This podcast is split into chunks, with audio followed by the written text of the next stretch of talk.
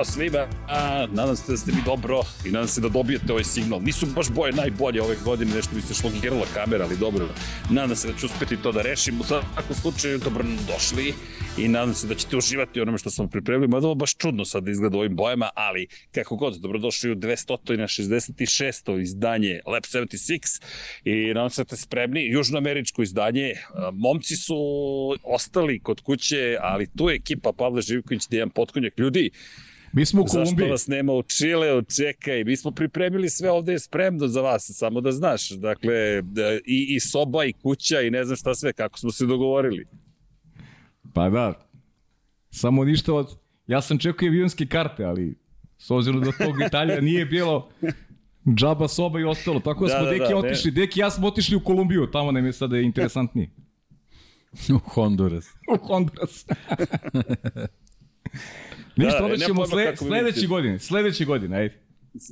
E, ali vidi, stvarno je sve spremno za vas dvojicu. Ja sam se dogovorio i ovde domaćini su rekli njih dvojica su dobrodošli kad god žele da dođu, tako da samo neka kažu. Ne sumljamo u gostoprinstvo Ivana Ercega. Da, da, da. To je mla, mlađi uh, Ivan Erceg. Iz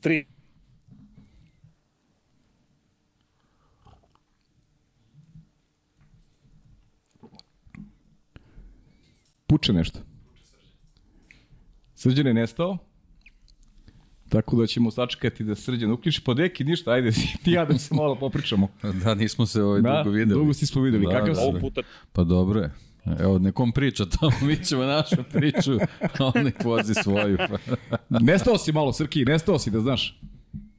Aha, nestao si. Ta, tamo od gostoprinstva se nisi čuo uopšte, da znaš. od gostoprinstva se nisam Od gostoprinstva okay, se nisi čuo. Ali, ali ovako otprilike izgleda celo moje putovanje. Dakle, sve funkcioniše od jednom samo prestane nešto da funkcioniše iz nekog razloga, nemam pa, ja sad je internet nestao prvi put od kad sam ovde. Dobro, I boje su nestale sa kamere i to je sve u redu. Ali tako izgleda od kada smo krenuli u, u nedelju ujutro. I otišli smo za Madonu di Campillo i bili na prezentaciji Ducatija i kako krenemo nešto da uradimo, ne može. Krenemo nešto da uradimo, ne. Rekao, ok, ljudi, ne, ne. Izvinjam se svakom slučaju.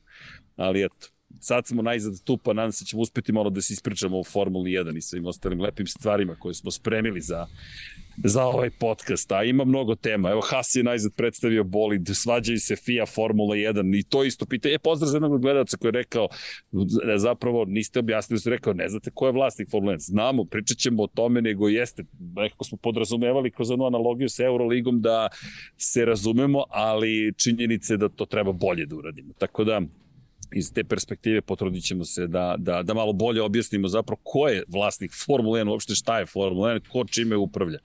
Pa eto, nadam se da ćemo uraditi dobar posao, što kažu. Dobro, ćemo da krenemo. Ove, ovaj, obrađujemo da krenemo, teme ili, ali, ili ne znamo, ne znamo na, odakle šta je. Pa da, ba ne, ajmo da krenemo od početka, ajmo da krenemo, zapravo, možda bi trebalo da krenemo od kraja, pošto je Haas predstavio bolid, pa čisto da ispoštujemo ekipu koja je prva predstavila bolid ove godine. Jel da. i kao i prošle godine, Haasovci su prvi izašli u, u, u, u svet i online prezentacije, kako je to postao već sada običaj, ne znam da ste uspeli da ispratite, bilo je lepo u najmanju ruku, yes. vidjeti bolid, najzad bolidi su se pojavili, pa eto, Haas koji ima uslovno rečeno novu ekipu. Ostane gospodin Magnussen, Kevin Magnussen i tu i pridružujemo se Niko Holkiber koji kaže da je svež i spreman za novi izazov Formula 1. Da, i drugačije će izgledati, to, to je ono što primećujemo da sad dominira crna boja na bolidu sa nekim nijansama bele i crvene. Eto, drugačije je u tom estetskom, da kažemo, ovaj, e, sadržaju, a vidjet ćemo da li će biti drugačiji kada je prezentacija na stazi, o, to je ono što je najvažnije. Sa tim ćemo sačekati prvo ona presezonska testiranje, pa da dajemo neki onako ozbiljniji sud o onome šta, šta može Haas. Pa da, ali generalno što se da, tiče da, prezentacije, da, dobre, dobre stvar, eto, vidimo da imaju nekog novog sponzora, ovaj, s obzirom da je prilično velik logo, nadam se da, mm, da. da, da je srazmano da tome i novac, da, da, da će eto Haas možda moći malo da u nekim elementima bar parira s ovim, s ovim drugim ekipama i da se malo poravi od, od te neke turbulencije koje imao na početku prethodne sezone, a ono, mislim, meni je ovako nekakva prezentacija nastala ako ne priča od, od prošle godine gde smo dobili Haas kao, kao prvi bolid koji je prikazivao kako će izgledati nova formula, nismo verovali da će stvarno taj bolid tako da, da izgleda kad izađe na stazu, eto bio je prilično sličan, tako da, ovaj, ne znam, možda, možda nastavi s tom pričom, pa je možda u stvari to to, a možda će biti nešto sasvim drugačije, ali vidjet ćemo u svakom slučaju ovako nekako mi delo sa ovom kombinacijom boja malo, da, da kažemo i ozbiljnija priča, ovaj, tako da... Možda je to to, za možda i Wolf. Da, možda i da, da. o, ja za početak, eto, onako, uh, lepo je da smo, da smo dobili otprilike neke naznake kako će ta, ta ekipa što se tiče tog nekog sponzorskog paketa da izgleda ovaj, sledeće godine. Pa, to je sponsor koji je prošle godine potpisao ugor Money Graham, koji, i to je baš bio veliki moment zapravo za, za ekipu Hasa kad su se pojavili. Već smo tad pričali koliko će biti važno što su dobili zapravo novog sponzora i što su dobili jedno ozbiljnije ime i što nije ne, neko kada kažemo zbiljni ime, nije sponsor koji očekujemo da će nestati u kontekstu toga da će to biti samo e, pojavili smo se i tu zapravo glumimo da smo neki sponsor, Rich Energy konkretno mi je u, jelte, u glavi, da. a zapravo nema nigde para i samo nestane u celoj priči. Još jedan od sponzora koji su se tu pojavili, delovali da će spasiti neku ekipu, konkretno Hasi baš bio i u pitanju i onda odjednom samo nestanu i nemaš ih više nikada, to je pojavljuju se na društvenim mrežama. Ovo je ozbiljnija kompanija i nije u pitanju ekipa koja dolazi iz sveta kripta, mada i tu ima zanimljivih priča, pošto je kripto svet trenutno ozbiljnoj krizi ili Audi je započeo saradnju zapravo sa kripto svetom, pa će to isto biti zanimljivo. A sad će i Lukas verovatno da upadne u kadar. Zdravo Lukas, da ti si tradicionalno u svim južnoameričkim podcastima. Češ da mašaš publici? Pobegao je Lukas. Samo je otrčao svojim putem. Nije Kako da zvoniti da Lukas? ne, ne, a hteo je, pitao je, kada će to da počne, kada će to da počne? Pa kad počne da dođe, ja kažem, ok, dođi, i evo došao i onda je pobegao. Inače vozi Dirt 5, pa eto, ko je na Sonyu Dirt 5 zabavna igrica. Da, pa jeste, tako da, da smo se baš lepo zabavili. Ali da, Lukas je tu, cela kompanija je tu, možda će se ponovo pojaviti večiti gost, ali šta hoću da kažem, za Money Gram, da, Money Gram je inače kompanija koja se bavi transferom novca i radi se o staroj kompaniji koja je osnovna 1980. godine, to je američka kompanija koja dolazi zapravo iz Dallasa u Teksasu i koja je vrlo ozbiljna zapravo u finansijskim uslugama. Ne radi se o nekome ko se tek tako pojavio i pogotovo uz sve veću konkurentnost, čak i kripto je u tom svetu, to jest u segmentu tog poslovanja prenosa novca. Sad, to je pitanje legalnosti i praćenja tokova novca. MoneyGram je dosta drugačiji, tako da ovo baš ozbiljno i ono što je zanimljivo meni makar jeste što je to američka kompanija. Još jedna američka kompanija koja je ušla u celu priču, pričat ćemo i o Fordu i koja je to stala iza, iza Hasa, pa eto, to zaista može da bude nešto što je prilično ozbiljno. Inače, njihov promet, prihod je prošle godine bio 900 miliona dolara, tako da pretpostavljam da novca nekog tu ima. Mada, Has, ne znam da će ikada imati dovoljno novca, pa iz te perspektive je zanimljiva ova online prezentacija, možda i to razlog, nažalost, i na sreću našu Haas nema vremena da pravi ili kupuje rezervne modele ili lažne modele, mora da predstavi svoj stvarni bolid. Šta reći u Hasu? Specijalno. Pa, Dobro je počelo sve, a skeptični smo prema svemu što radi poslednjih godina, onako najiskrenije. Ja sam bio ubeđen da, da, da Gene Haas priprema ekipu za, za prodaju, generalno da će to krenuti tim, tim putem, a baš mi je teško da pričam nešto u sklopu nekih ambicija, ciljeva. Evo, lepo si rekao, odlično si poređaj napravio generalno i o, i o sponzorstvu. Svi se sećamo kako je prošla ta, to je onako prvo ozbiljna afera koja je vezana za, za Haas i to u trenucima kada smo imali onako u glavama neku ideju da, da oni mogu da, da napreduju ovaj, u Formu 1, to se nije dogodilo i eto, iskreno ti kažem, malo sam i skeptičan kad je u pitanju budućnost Haasa. Ne, ne znam prosto šta, šta da očekujem. Ja propujem novog, novog e, sponzora i, i generalno ekipe. Nisam I novog ovaj prist... vozača, tako novog je, starog da, vozača. Da, nisam pristalica ovog tima koji je, koji je formiran nekako bih više volao da su da su dali šansu ovaj Miku Šumacheru u sve te anomalije koje imao on prošle godine i mogu da razumem i tu vrstu poslovanja, koliko je izgubio novce Gene Haas, ali ne znam šta dobijaju sa, sa Nikom Hulkebergom koji je onako izvučen žargonski rečeno iz naftalina i uh, prepostavljam da oni smatraju da možda se ponovi slučaj Kevin Magnusena. Teško mi je da, da poverujem već tako nešto se desi. Izvinite, ovo što ste čuli, to je moj lepi Lukas. Neka, neka, Lukas. Došao, samo, piti ste, završili. Da nam ulepša malo podcast. Naravno, kako ne. I, i sad je prešao do telefonske igrice. Ne, ali slažem se, s jedne strane se slažem, s druge strane ne znam šta da kažem. Evo, gledam danas medijske fotografije, da li su spremne za, za, za sve nas da bismo prikazali publici kako je zapravo, kako izgleda bolid. I medijski tim još uvek nije pripremio fotografije za, za, za plasiranje novog bolida. E, e, pa, Čisto kada kako, pričamo Srki, o detaljima. E, priča o Hasu može da se, da se nadoveže na onu našu sledeću temu, a to su te, o, ono što si želeo da pričamo vezano za Formula 1, uh, ko je vlasnik, uh, ta vrsta strukture. Kako se dele pare. Kako se dele pare, zašto? da li će možda novi priliv novca, naš, omogućiti recimo Hasu da postane stabilniji, da li računaju na tu kartu, mislim to je zaista onako jedan širok spektar tema koje možemo da da obuhvatimo, a pa... da, a da tu vezujemo ne samo Haas, već sve ekipe, pogotovo ekipe koje su manje budžetirane, koji nemaju, koji nemaju tu slavnu prošlost, kao, kao što su, ne znam, Ferrari, Mercedes i, pa je bolje da kažem, bolje budžetirane, da, da ne pričamo sada o, o prošlosti. E, ali, ali pazi, lepo si stvar dotakao. Apropo ovoga što je Deki rekao, nekako izgleda mi ozbiljnije bolit. Stvarno mi izgleda ozbiljnije. Nekako izgleda kao da su rekli, ajde da budemo ozbiljniji. Međutim, kažem, ovi detalji mali, nekako me vraćaju na ovo što si ti rekao. Znaš, nisu još uvijek spremne fotografije da se podele medijima zvanično, nego ti, šta, treba da preuzimamo ih sa društvenih mreža, otprilike, da bismo plasirali fotografije. Ili, na primjer, imaš posebno saopštenje, pa pokupi fotografije, ali u njihovom medijskom centru fotografija nema.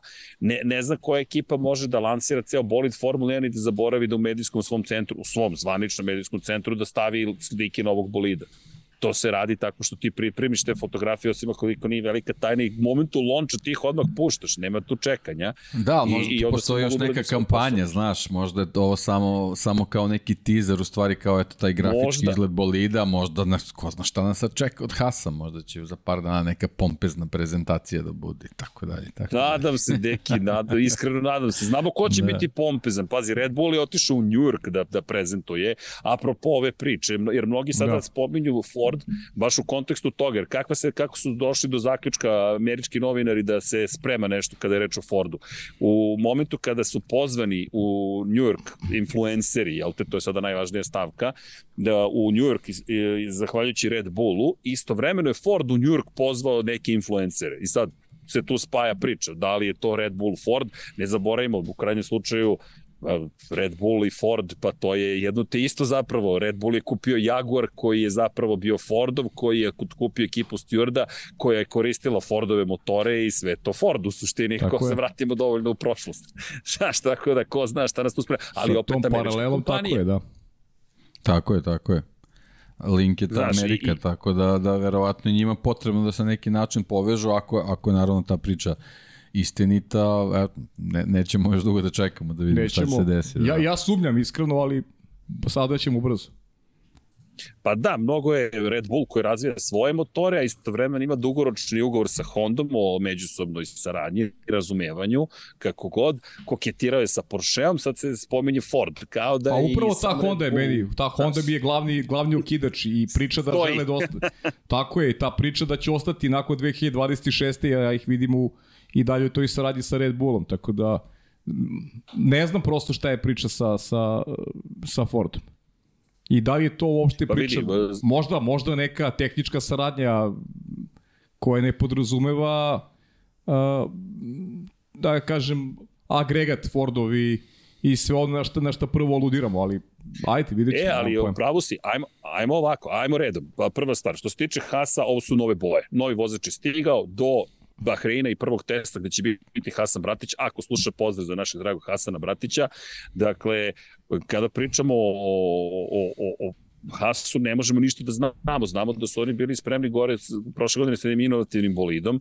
Ove godine pitanje da li je ovo dovoljno nije. Mnogi se bave time da li će se, suštinski ovo što smo videli kada reč o Hasu, nije nešto sad mnogo drugačiji bolid u odnosu na nešto što bismo očekivali već ove godine. Ima tu sad nekih stvari koje vredi analizirati, ali sam skeptu, zaplašen da li uopšte ulaziti u analizu nečega što je praktično render. Znaš, mislim, to je, to je prosto sad što kaže Deki, možda nas čeka zapravo tek prava kampanja. Ali imam utisak takođe da su hteli da budu prvi i da kažu makar iz te perspektive, ej, možda nismo prvi na stazi, ali smo prvi koji plasiraju i predstavljaju svoj bolid. Pri čemu, znaš, predstavljanje bolida od prošle godine je postalo zapravo samo jedan događaj medijski i ništa drugo od toga ti pa zapravo čekaj, prošle godine Red Bull nije ni predstavio bolid svoj. Da, i su prošle godine bili prvi, ako se ja dobro sećam. Jesu, jesu, da, da, da, bili su baš prošle godine su bili prvi. Sa, pra, da ali sa pravim bolidom, to je ono što je bilo zanimljivo. Oni su jedni da, od da, da. koji su predstavili bolid kojim će se pojaviti na stazi. Red Bull, setite se, kupio onu maketu od FIE i to je to. Što me dovodi na temu broj 1 zapravo, malo ćemo da ih iskombinujemo. Ajde ovako, pričali smo o Formuli 1 i FIE.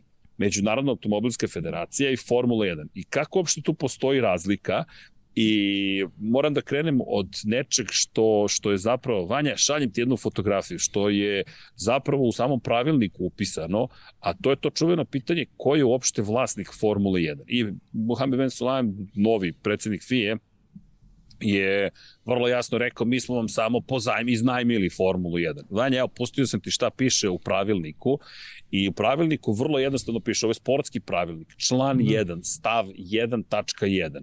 Samo što su na, na mnogo godina su iznajmili ovaj Formulu 1. Da, je, to sam htio da ti kažem. Zanimljiva je ta godina, ali mm. zapravo doći ćemo do toga. Samo evo kratak uvod. Dakle, FIA organizuje FIA šampionat sveta Formula 1 koji je vlasništvo FIE i sačinjen je od dve titule šampiona, jedna za vozače i jedna za konstruktore. To je bukvalno prva stavka u pravilniku Formule 1. Zna se ko je vlasnik, FIE je vlasnik. E sad, šta to uopšte znači?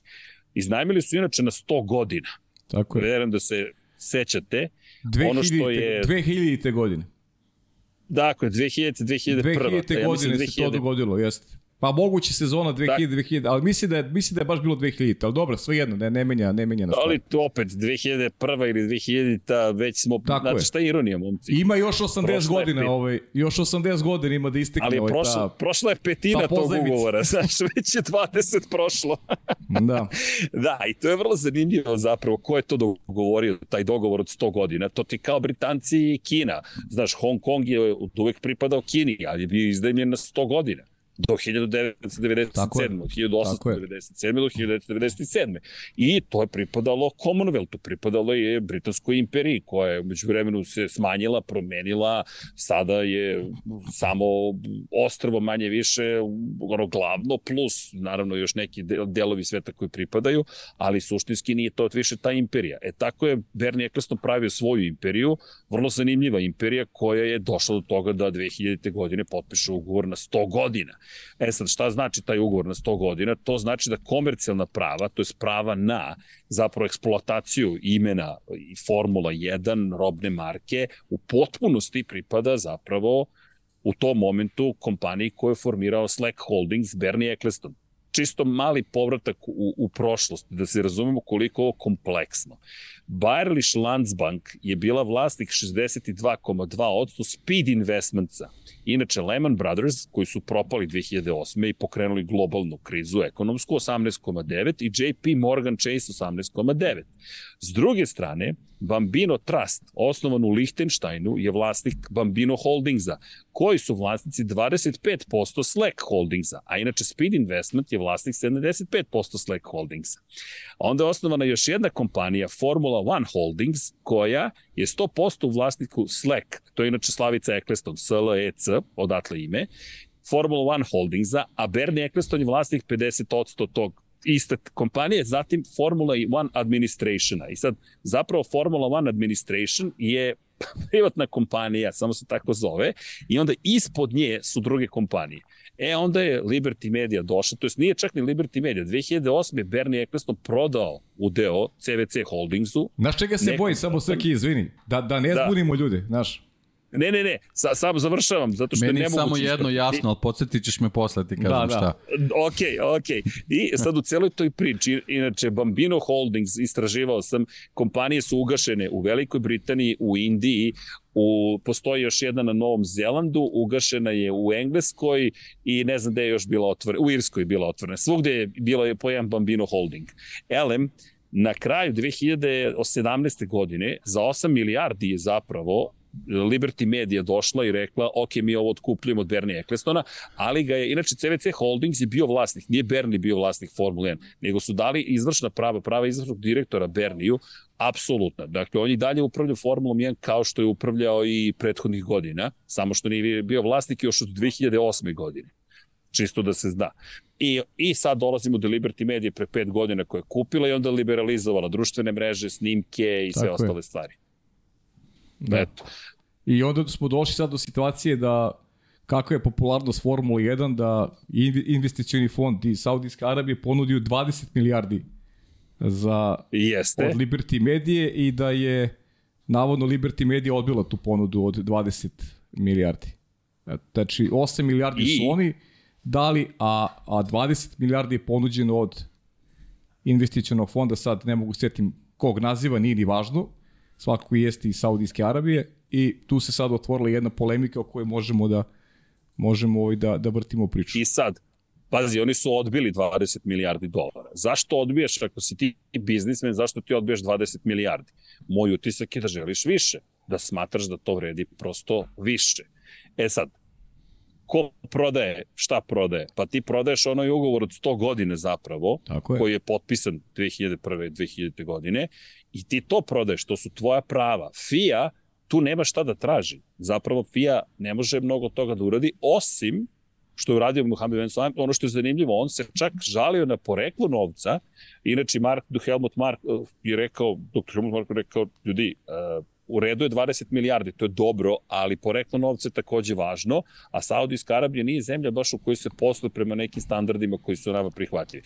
To je malo onako problematično da kaže bilo ko iz Formule 1, pošto je Formula 1 radila sa svima, ali okej. Okay u svakom slučaju 20 milijardi odbijeno. Ne znam vas pa, interesantna je i ta priča vezana o poreklu novca, znaš, To je sve isto malo i bez veze, pošto generalno Formula 1 od 80-ih na raznorazne pa, načine ima Saudice u, u, u, u svom, svom krugu, tako da...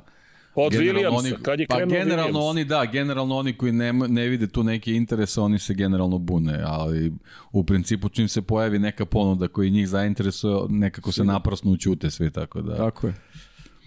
Tako da to je malo onako teža priča što se njih tiče. Pa da, i ta priča je po reklu novca, znaš. Ako dolazi odavde sumnjivo, ako dolazi odavde Tako nije, znaš, mislim. To ti kao i čista energija. A, bukvalno. To je to. Bukvalno. Smešna, smešna priča, baš. Čist, čist novac.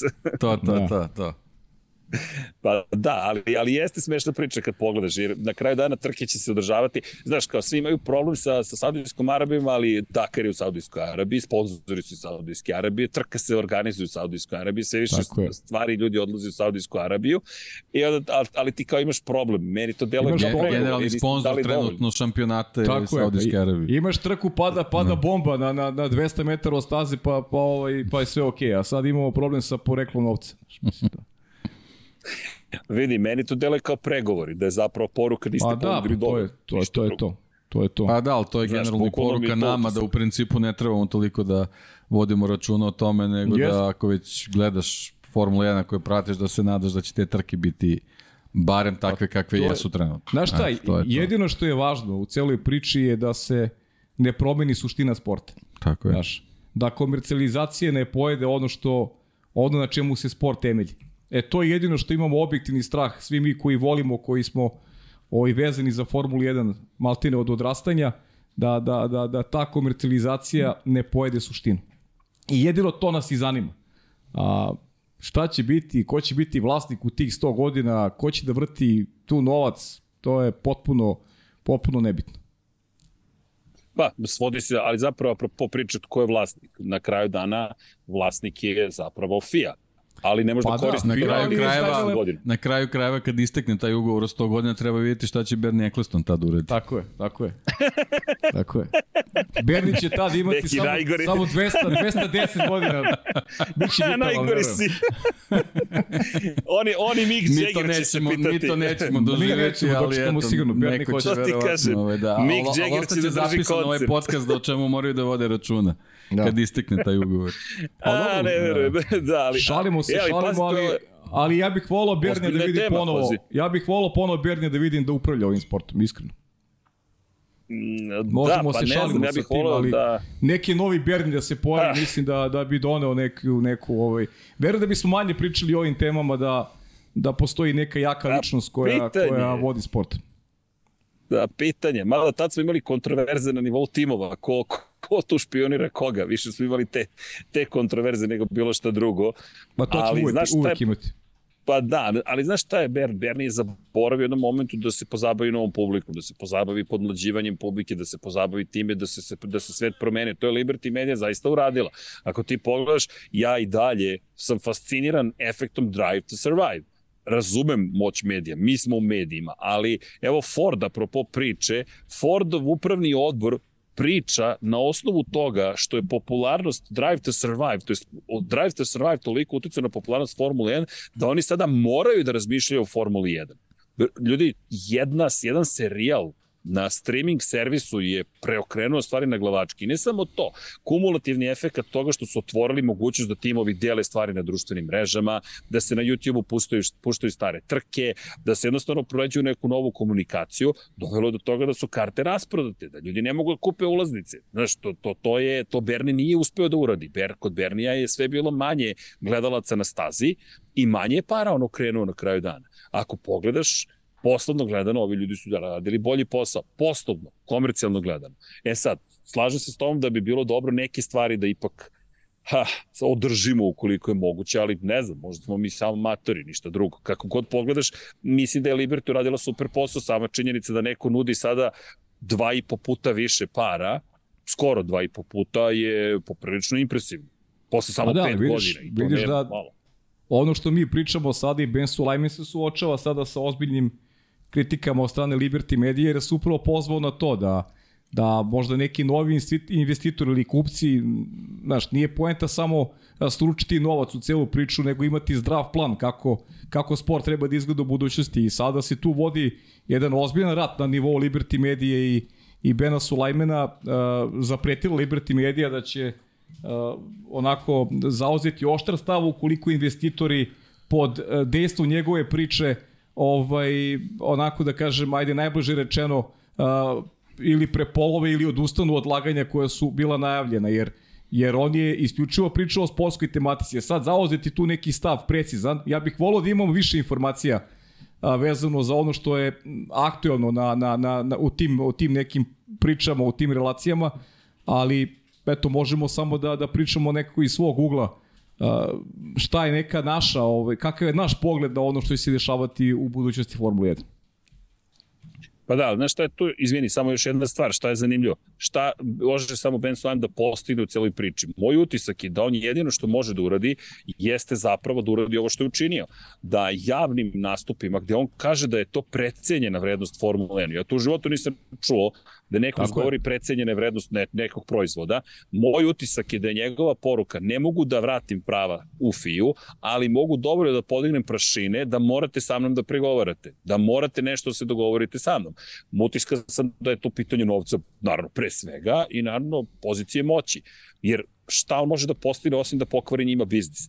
I sad, ljudi, ne znam da li ste videli najnoviju vest, ja sam fasciniran Koju? Dakle, a pazi sad ovo, ne znam da li ste čuli da je zapravo Dom Lordova se oglasio apropo toga što se, što se Ben Sulaim zapravo izrazio svoje uh, mišljenje da je precenjen zapravo Formula 1. Ja, ja, ja, ja, se toga, ja, ja sam frapiran bio kad sam pročitao vest, rekao, je ovo moguće, ali ti sad imaš situaciju u kojoj se zapravo politika meša u celu priču. To samo govori koliko je velika cela stvar, koliko para je sada tu koliko i novci bilo. Pa, da. Ali, znaš, to je, to je, to je zaista me iznenadilo. Rekao, ok, čekaj, sad dolazimo do čega? Ponovo do britanske države. Dolazimo do toga da mi pričamo o nekim stvarima koje nisam očekivao da ćemo spominjati. Ali zaista dom lordova nisam očekivao. To inače, ako se ne, ne veram, gornji dom britanskog parlamenta. Znaš, koji odjednom kaže da je to nepri, neprofesionalno s njegove strane. Pa i to, a i opet, ajde, ajde sad da, da ne ulazimo sad u, u te njegove, da kažemo, ovaj, motive, motive zašto, je, zašto je to uradio, čisto da, da gledamo možda neku praktičnu stranu, ovaj, baš iz tog ugla, da li, da li ta Formula 1 vredi toliko i u stvari šta, šta to u Formula 1 košta 20 mm -hmm. milijardi dolara. Jel, jel Forbes je recimo nedavno izbacio za 22 ovaj, listu naj, naj, najvrednijih mm -hmm. sportskih timova na planeti, recimo prva tri uh, prve tri pozicije, na, na prvoj poziciji su Dallas Cowboys kao najvredniji sportski tim po toj ne, ne, nekoj, nekoj njihovoj listi. Prva, prve tri uh, ekipe na listi, sve, sve tri su NFL ekipe, vrede ukupno kao Formula 1.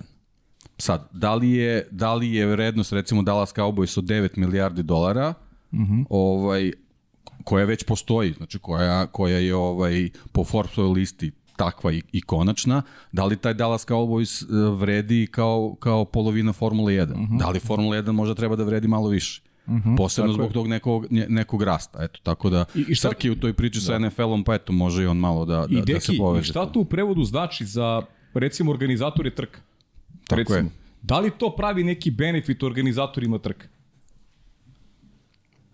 Da li Tako oni je. dobijaju nešto od tog kolača i da li im to pomože da da oni naprave neke, ajde pa, kažem, neki, neki bolji ambijent u kome će u kome će trke da se održavaju. Ili ćemo doći do toga da imamo budućnost Formu 1 koji će se formira, koji će se bazira na licitaciji.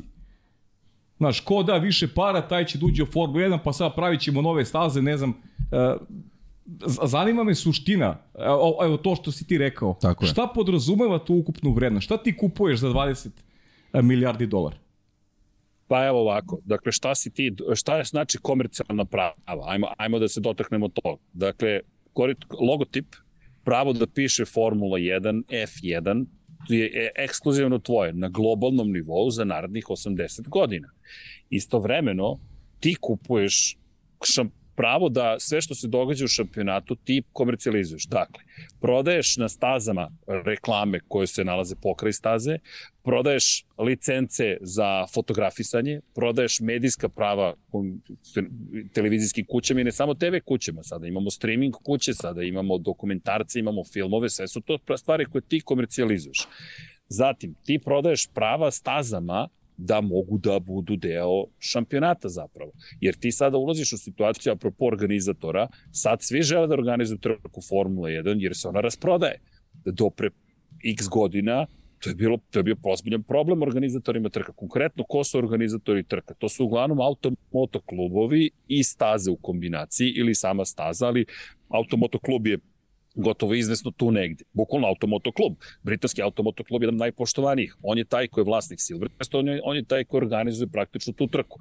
I on dođe pokuca na vrata i kaže ja hoću da kupim prava da organizujem trku. To jest, hoću da, hoću da organizujem trku. A neko ti kaže, pa dobro, to će te košta XY para, kao što je Baku došao i rekao kod Bernija, Berni, koliko bi koštalo da mi organizujemo u Baku trku? Rekao je 25 miliona dolara. Njima pitanje isplativosti bilo neko drugo. Oni su, to je zvanični stav vlade Azerbejdžana je bio da je njima marketička kampanja od 25 miliona dolara mnogo jeftinija kroz Formulu 1 nego da idu za kupljuju reklame, o tome posetite Azerbejdžan, prelepi Azerbejdžan i slične reklame koje smo svi gledali. Dakle, to takođe prodaješ. Prava da praviš lutkice, da praviš, ne znam, postere, prava da, post, kako idu posteri, ti si fotograf, ti moraš da platiš da bi ti imao pravo da fotografišeš Formulu 1. Zatim, hoćeš da praviš album sa sličicama.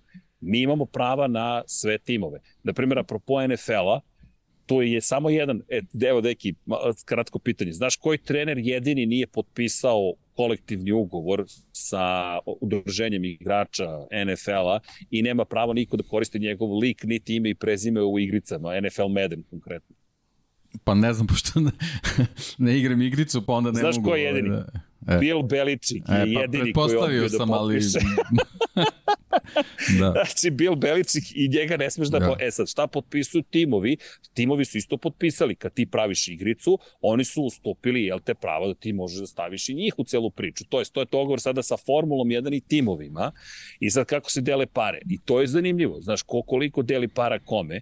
Ajde da krenemo od timova i apropo Hasa. Malo ćemo da se vratimo i do Andretija E, to sam zaboravio, jer toliko dugo imamo 10 timova, da zapravo tek sad kad sam počeo ponovno da istražujem ko koliko para, kome šta radi, sam ustanovio.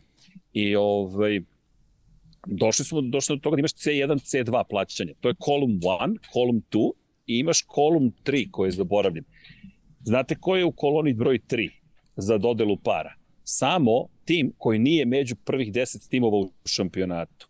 Ili ti, kada dođe 11. tim, Williams više nema zagarantovane pare ako je poslednji u dobro, tako, tako je bilo i ranije. Tako je bilo i ranije. Uvek su 10 da, da, da. dobijali novac. Da. Tako je. A ti da. sada imaš 10 i svi su mirni zapravo, jer svi dobijaju pare, zagarantovano će dobiti pare. A ti sad ako imaš 11. tim, ne, neko mora bude 11. Mm. Znaš, i šta sad ako je Andreti 10. I ti odjednom nema para. Znaš, odjednom nema para za, i, i sad column 1 je zagarantovan novac i to je novac koji se svima dodeljuje isti, negde oko 45% prihoda koje ti dobiješ na dan trke, na primer, se deli između timova i to je ono što Formula 1 deli dalje zapravo. 23% otprilike ode na taj C1. E sad imaš C2, kolum 2 tu dobiješ na osnovu toga Ferrari dobije najviše para zato što je legacy tim ili ti Ferrari je taj kojem plaćaju da bude deo Formule 1 i onda ostali timovi na osnovu rezultata iz prethodnog šampionata, to je na osnovu broja poena koji su usvojili u šampionatu konstruktora i to je, to je jedna, ajde kažeš, od osnovnih formula. I onda dolazi C3 koji se ne koristi, kolona 3 ne postoji jer nemaš 11, imaš više od 10 timova. Čisto da ne zaboravimo zašto Andreti može ozbiljno da poremeti odnos snaga u Formuli 1. Neko mora da bude ispod vodećih 10. I sad, te pare se dele. Apropo pa je ovog tvog pitanja, to je zapravo organizatorima trka ako je cilj da zarade, jer Las Vegas, sumnjam da je Las Vegas u cilj da odjednom, ne znam, promoviše svoj turizam. Možda, nemam pojma, možda neki deo kalkulacije to, ali oni to hoće da zarade, ljudi zarade pare. I ono što je zanimljivo, Formula 1, to ono što smo rekli, prvi put će biti vlasnik zapravo strukture za organizaciju fizičkih objekata u organizaciji trke. Po kraju slučaju promocije, samo... promocije pa. turizma, to ti opet zarada. I, i to je zarada. Jeste zarada, to je sad posredna zarada. Z zašto Jeste, i to ne bi promovisali kroz Formulu 1 takođe? To je, Slažem se. Sve to zarada. ali a, mnogo je para. Je sad se pavilo mnogo para i sad to sa 20 milijardi dolara ti si to sve odjednom kupio. E sad samo zamisli sledeću situaciju. Kogod sledeći da kupi Formulu 1, on, on, on, on dobija proizvod koji vrti ogromne količine novca.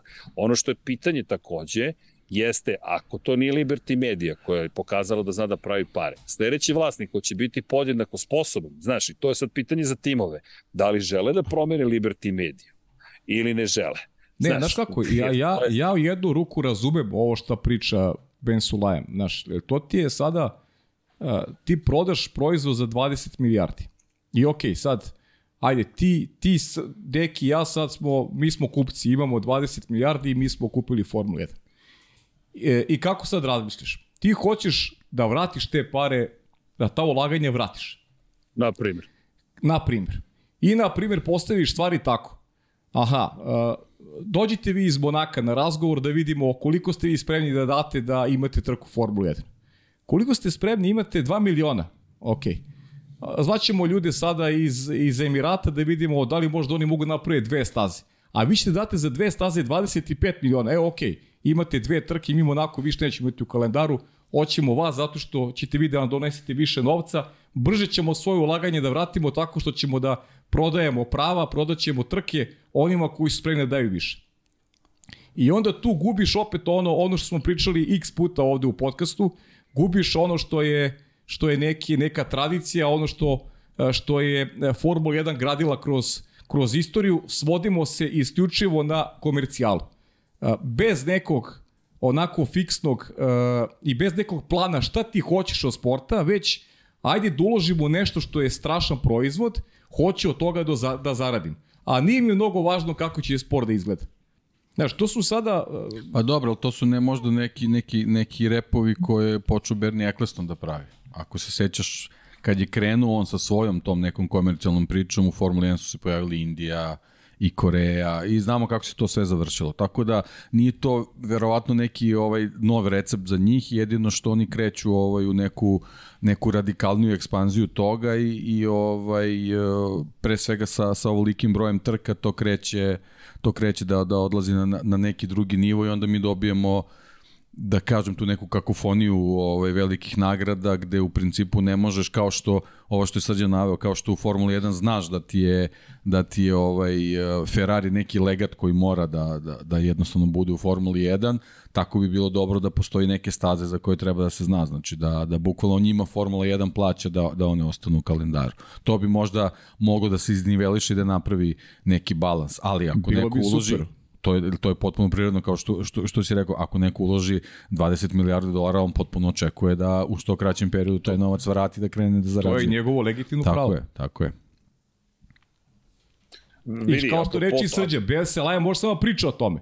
Ne može ništa promeniti. Pa, e, ali sad tu dolazimo do njegovog efekta, jer ako tebi predsednik Međunarodne tehnologijske federacije, pošalje, šta je berza? Berza je vera zapravo, to pokazatelj koliko neko društvo veruje u, vrednost određenog proizvoda, usluge, kompanije, kako god.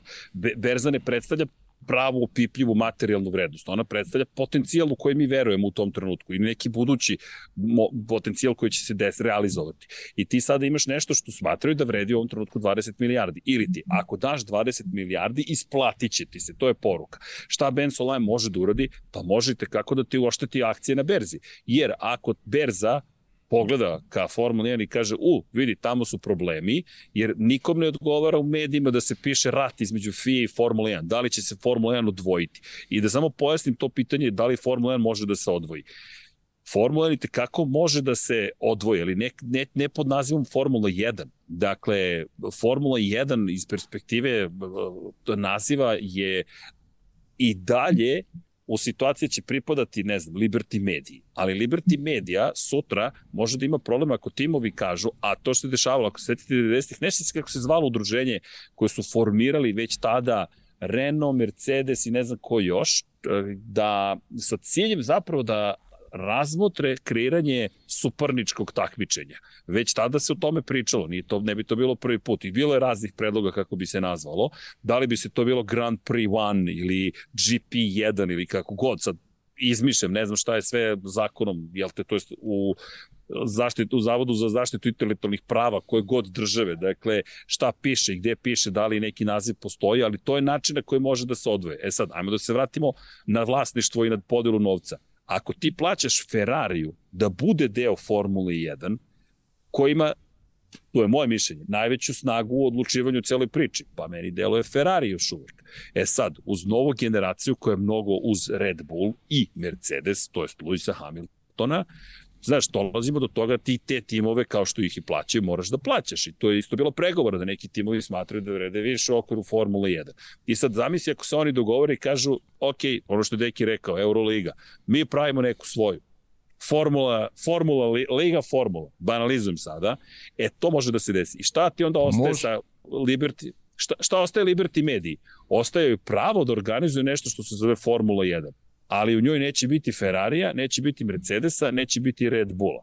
Što znači, Ferrari koji snabdeva motorima i Alfa Romeo i naravno sebe i ekipu Hasa, što je šest vozača, pa Mercedes koji snabdeva osam vozača, to ti je već 14 takmičara i otišlo negde drugde. Ti si u situaciji, imaš Renault koji snabdeva dva i imaš još četiri koja ti dolaze od Honda. Dakle, ti si sad već pao na šest vozača otprilike u nekom šampionatu Formule 1 koji ima tri motora samo kažem kako može da se desi da neko napusti. Ne, to ne može da se zove Formula 1, ali može da bude nešto drugo. Ne kažem da će se to desiti, meni su ovo samo pregovori, ali odavno nije bilo ovoliko buke oko novca i oko Formule 1 na ovom nivou. Pa baš zbog toga što, od, od, što odavno nije bilo toliko novca. Da, to čim je, 25 čim godina. Novac, pa čim je novac ulog, onda je, onda je utakmica popularno drugačije. I to pa, nije samo da, Formula 1, to je u svakom sportu. I lepo samo si rekao, eto. lepo si rekao, može se dogoditi takav scenariju, zaista. To, to nije, ne bi me iznenadio najiskrenije.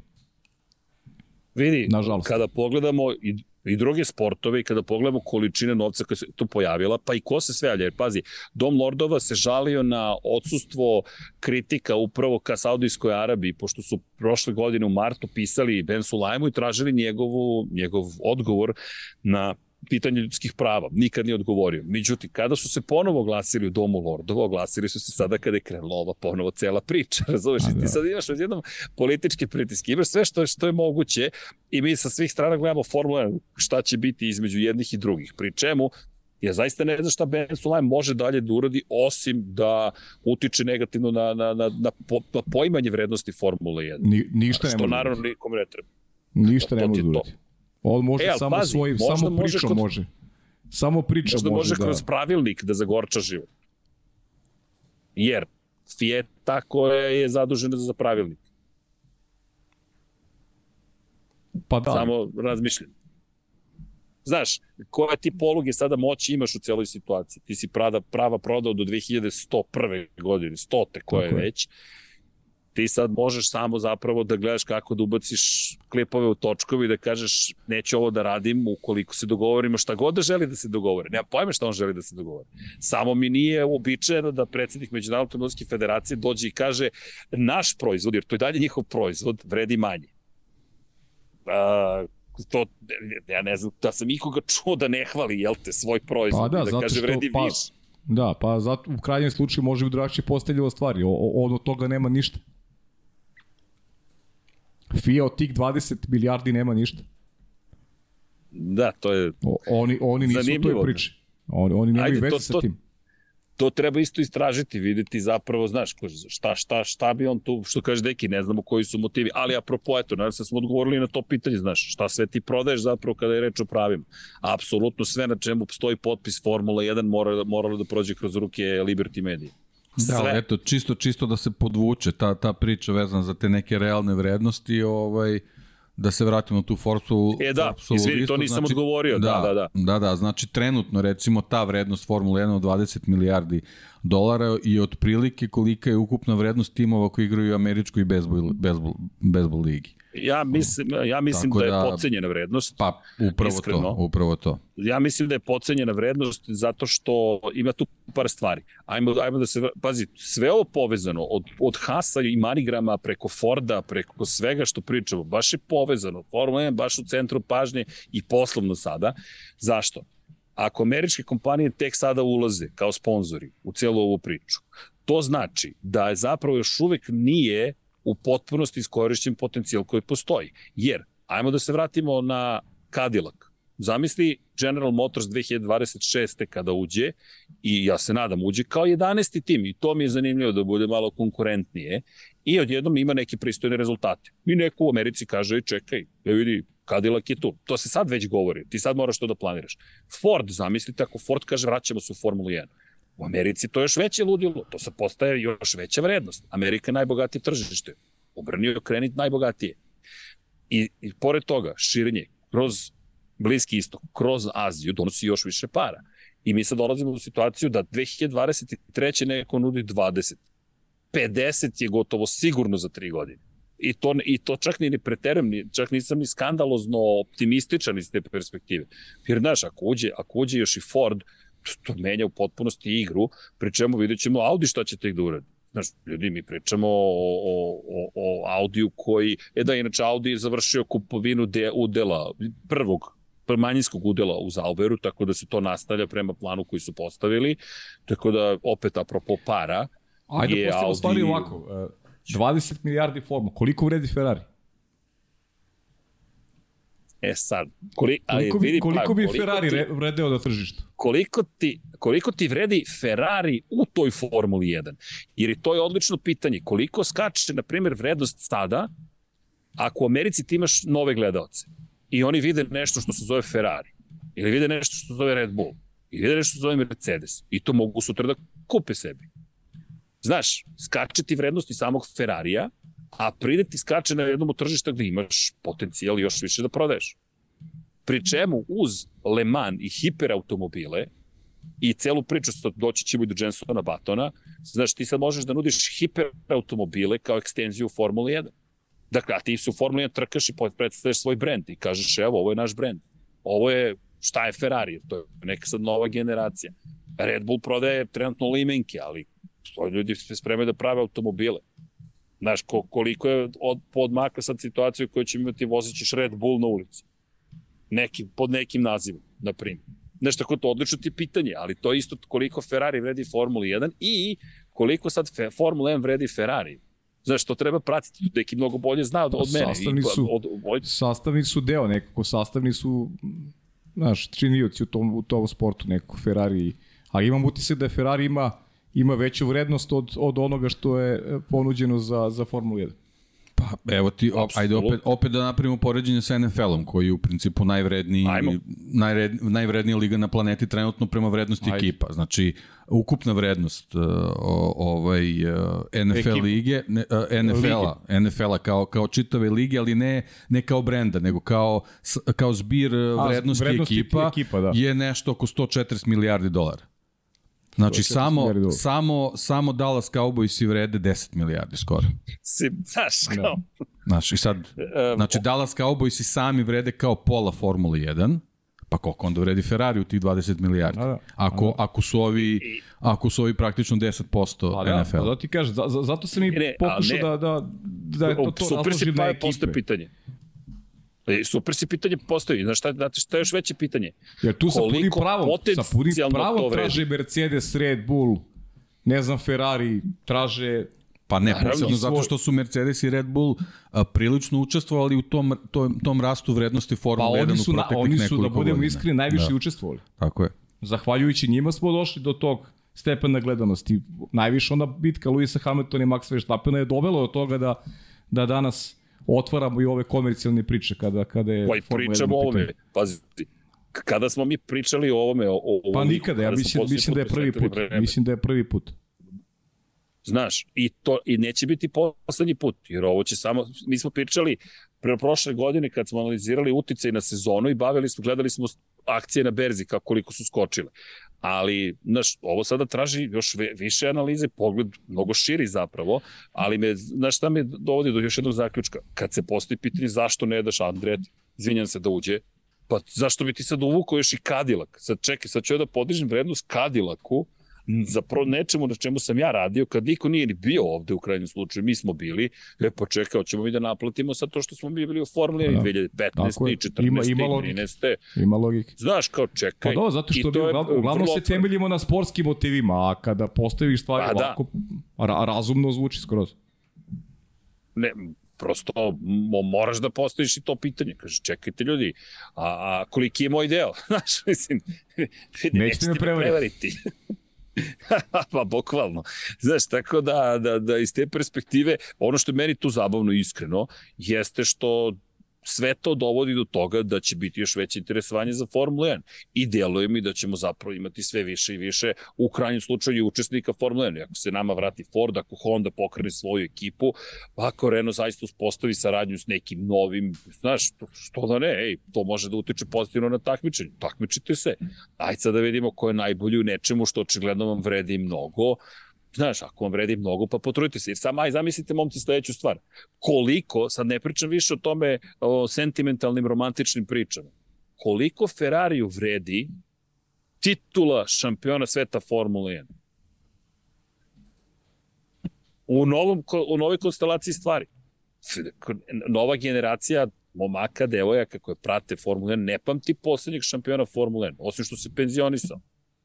Znaš, ti, ti, ti, ti imaš sport u kojoj Ferrari uskoro se neće sećati mnogo njih tog momenta kada je Kimi osvojio titul. Sećamo ga se, ok, ali u kontekstu neke svežine nema toga. I znate s čim pored, pravim poređenje? Pošto, eto, sticam okolnosti, sticam okolnosti, zahvaljujući svom radu koji svi zajedno radimo, i Ducati nas je zvao i rekao je dođite na prezentaciju šampionskih motocikala.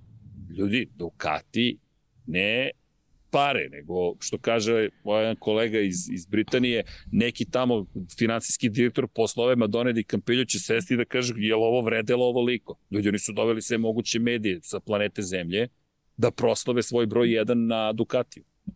Pa dobro, ono što si pričao malo pre za Ferrari, to, to opet e, važi za sve timove, s izuzetkom Mercedes i Red Bull. Opet se vraćamo na tu priču na ta prava koja polažu Mercedes i Red Bull i zašto njihov glas mora da se čuje i zbog čega jesu glasni kada e, kada pričamo o konstrukciji od onoga što treba. Pa normalno i kad treba dođe neko novi, je raspodeli kolača.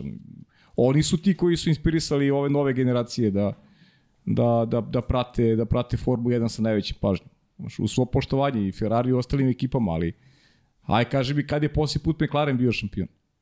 Kad je Williams posljednji put kad bio šampion? McLaren? Kad je da, bilo ko, ka, kad je bilo ko ko se ne zove Mercedes ili Red Bull bio šampion? E, to je... Ne sjećamo se. Lepo rečeno, Pajo. Pa, pa o, znaš ko je bio? Čovjek koji nam je u naslovu. Da, u ovoj našoj eri zajedničkoj, u ovoj našoj eri zajedničkoj, koliko radimo ti ja, ovaj, komentarišemo na sport klubu, pa samo su Mercedes i Ferrari, i samo su Mercedes i Red Bull bili šampioni. A to je već koliko, Jeste, 12 godina. fakat, fakat. Da. Činjenica. Činjenica. Ali pazi, to je dato kad razmisliš, to je onako poprilično, moram, moram reći. Jeste pa, pa surovo, surovo, ali tako čekaj, je.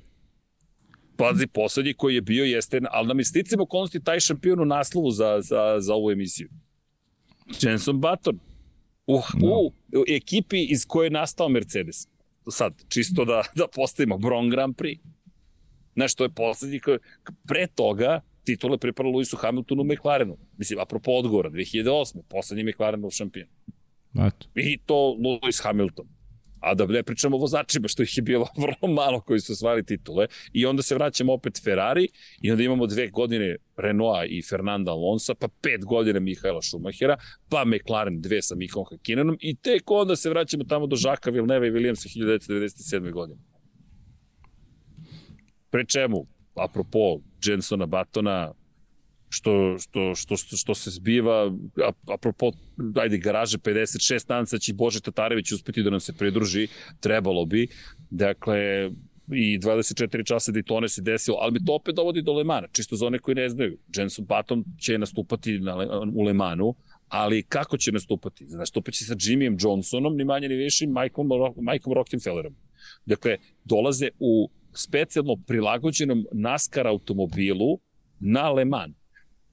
Sad dve stvari. NASCAR koji je sa generacijom 5 očigledno ušao u neko novo doba i NASCAR koji sada ide u Le Mans. Pazi sad, američko-evropska veza je sve, sve jača. Pri čemu dovodiš Jensona Batona, koji će mene uvek kupiti kao šampion sveta Formula 1 i jedan sjajan vozač i zanimljiv čovek kao, kao govornik. Zatim još Jimmy Johnsona koji je potpuna priča o NASCAR-u, koji je to što jeste. I imaš Rockefellera koji je pobeđivao na 24 časa Le Mans. Ti si pokrio sve i sad imaš jednu novu grup, jednu novu promociju zapravo kompletnog automotosporta. I imam osjećaj kao da je krenulo u velikoj meri takođe sa Fernandom Alonsom i njegovom nastupom na 500 milija Indianapolis. Što je McLaren ili ti što kaže Deki američka kompanija, to jest američki tim. Amer, na, amer, način na koji je vođenje tipično američki. I da teki odgovorim na pitanje timova iz NFL-a, koliko vrede Dallas Cowboys i toliko da Dak Prescott, njihov quarterback, kada reklamira supe ili nešto drugo, nema prava da nosi njihov dres. Jer ti si angažovao Daka Prescotta. Sorry, Daka Prescotta. Niste angažovali dres sa brojem 4 Dallas Cowboys. Isto važi i za Patrika Mahomesa. On kada reklamira State Farm, on nije u dresu Kansas City Chiefs. To posebno se plaća. Hm? To ima posebnu vrednost. Znaš. Kaže, Vanja jeste u dresu. Nije u dresu, pogledaj Vanja. U crvenoj je majici. Ne, ne, u State Farmu je u crvenoj majici. Nije u dresu Kansas City Chiefs. Ima i reklama gde jeste u dresu. Kaže, ima i reklama gde jeste u dresu. Ne znam, okay, ovaj poslednji koji sam gledao, ali vidi, treba videti, pogledaj.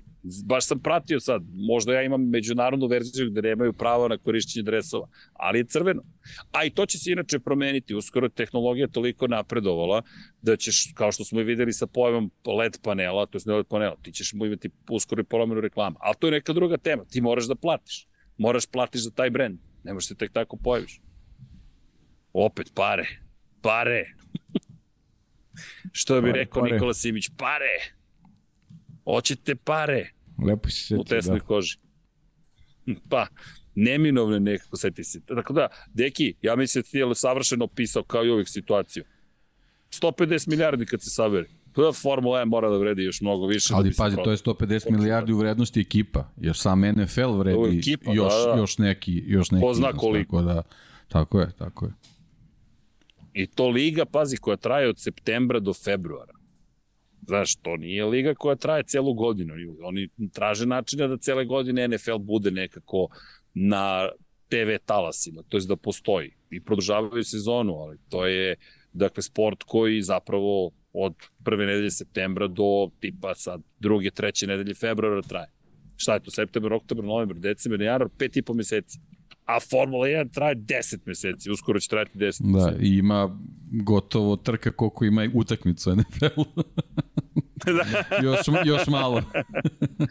ima, ima i više, ima i više. Da, da, da. da, da, da biće, biće. Da, da. da. da. da. da, vrlo, da vidiš, to mi nije palo na pamet, ali bravo. E da, moram da kažem, ža... Što, Uvijek je bilo to interesantno, da. to NFL, kupuješ godišnje karte, a gledaš u stvari koliko, 7-8 utakmice gledaš na cele sezone. Ti na, gledaš na svom terenu, da. Na svom zagarantovanih da. šest utakmica imaš na svom terenu. Jel šest, šest, slušaj mene. Imaš zagarantovanih uh, osam utakmica, jel tako Vanja? Osam zagarantovano, možda devet, i onda ako imaš sreće da do, do, dođeš do play-offa i da budeš domaćin u play-offu, deseta, možda 11 i tako. Ali Prekinuo ste šta, šta ti je žao? Da ti ne pobegne misao. Uh, šta mi je žao? Da, žao mi je, da, teo sam Dekiju da kažem, žao mi je što niste Bengalci prošli iz Cincinnati, ali ne, samo zbog tebe, zato što sam hteo da te vidimo 99 yardi, ali, ali, ne, ali ne vredi. Znači, zbog ne, toga ne je okej, okay, ali generalno sam ljut, tako da preskačemo tu temu. Da. Pri čemu, e, Lukas da. je došao i sad ovako gleda i kaže, ja navijam za bele. I naravno, pošto Lukas navija za bele, koji su bili Cincinnati Bengals, i da cela porodica navija za Cincinnati Bengals. ja nisam ništa uticao ni na koga. I onda onaj potez na kraju, moj brat koji dodavno nije gledao američki fotbal, kaže, ovo stresno je, kažem, jeste, zato i gledamo NFL. I na kraju oni prekršaj, nemam komentar, apsolutno nikakav. I, pa, i izosta, izostaće komentar. Za otkaz i to je to. Da, e, ali deki pazi sad šta ti deči je... pogled. Isključiv, nema, nema alternative, otkaz, ne, Ćao. Ne, tak, takav potez je, to je to, mislim, stvarno. O, ode sezona zbog jednog prekrša. Tako je. Znaš, Ma dobro, nije, je, nije samo zbog tog prekrša, to je onako generalno čitava utakmica je katastrofa bila, to je onako samo, samo začinilo sve, ali, ali generalno ako si yes. profesionalac, ono se ne radi nikako. Što, što zbog cele situacije Čekaj, sa, sa tvojim timom? Potrebio što zbog... si moju uzrčicu. Šta sam rekao? to se ne radi. A, to, eto, eto. Vidiš. To je kad me ponesu emocije. Izvini, izvini. Onda, onda se prešaltuje. To, da. to, to, to, to, ne, ali, ali činjenica, ti si cijelu svoju ekipu zapravo doveo u situaciju da sad možeš samo da razmišljaš šta bi bilo. Tako je.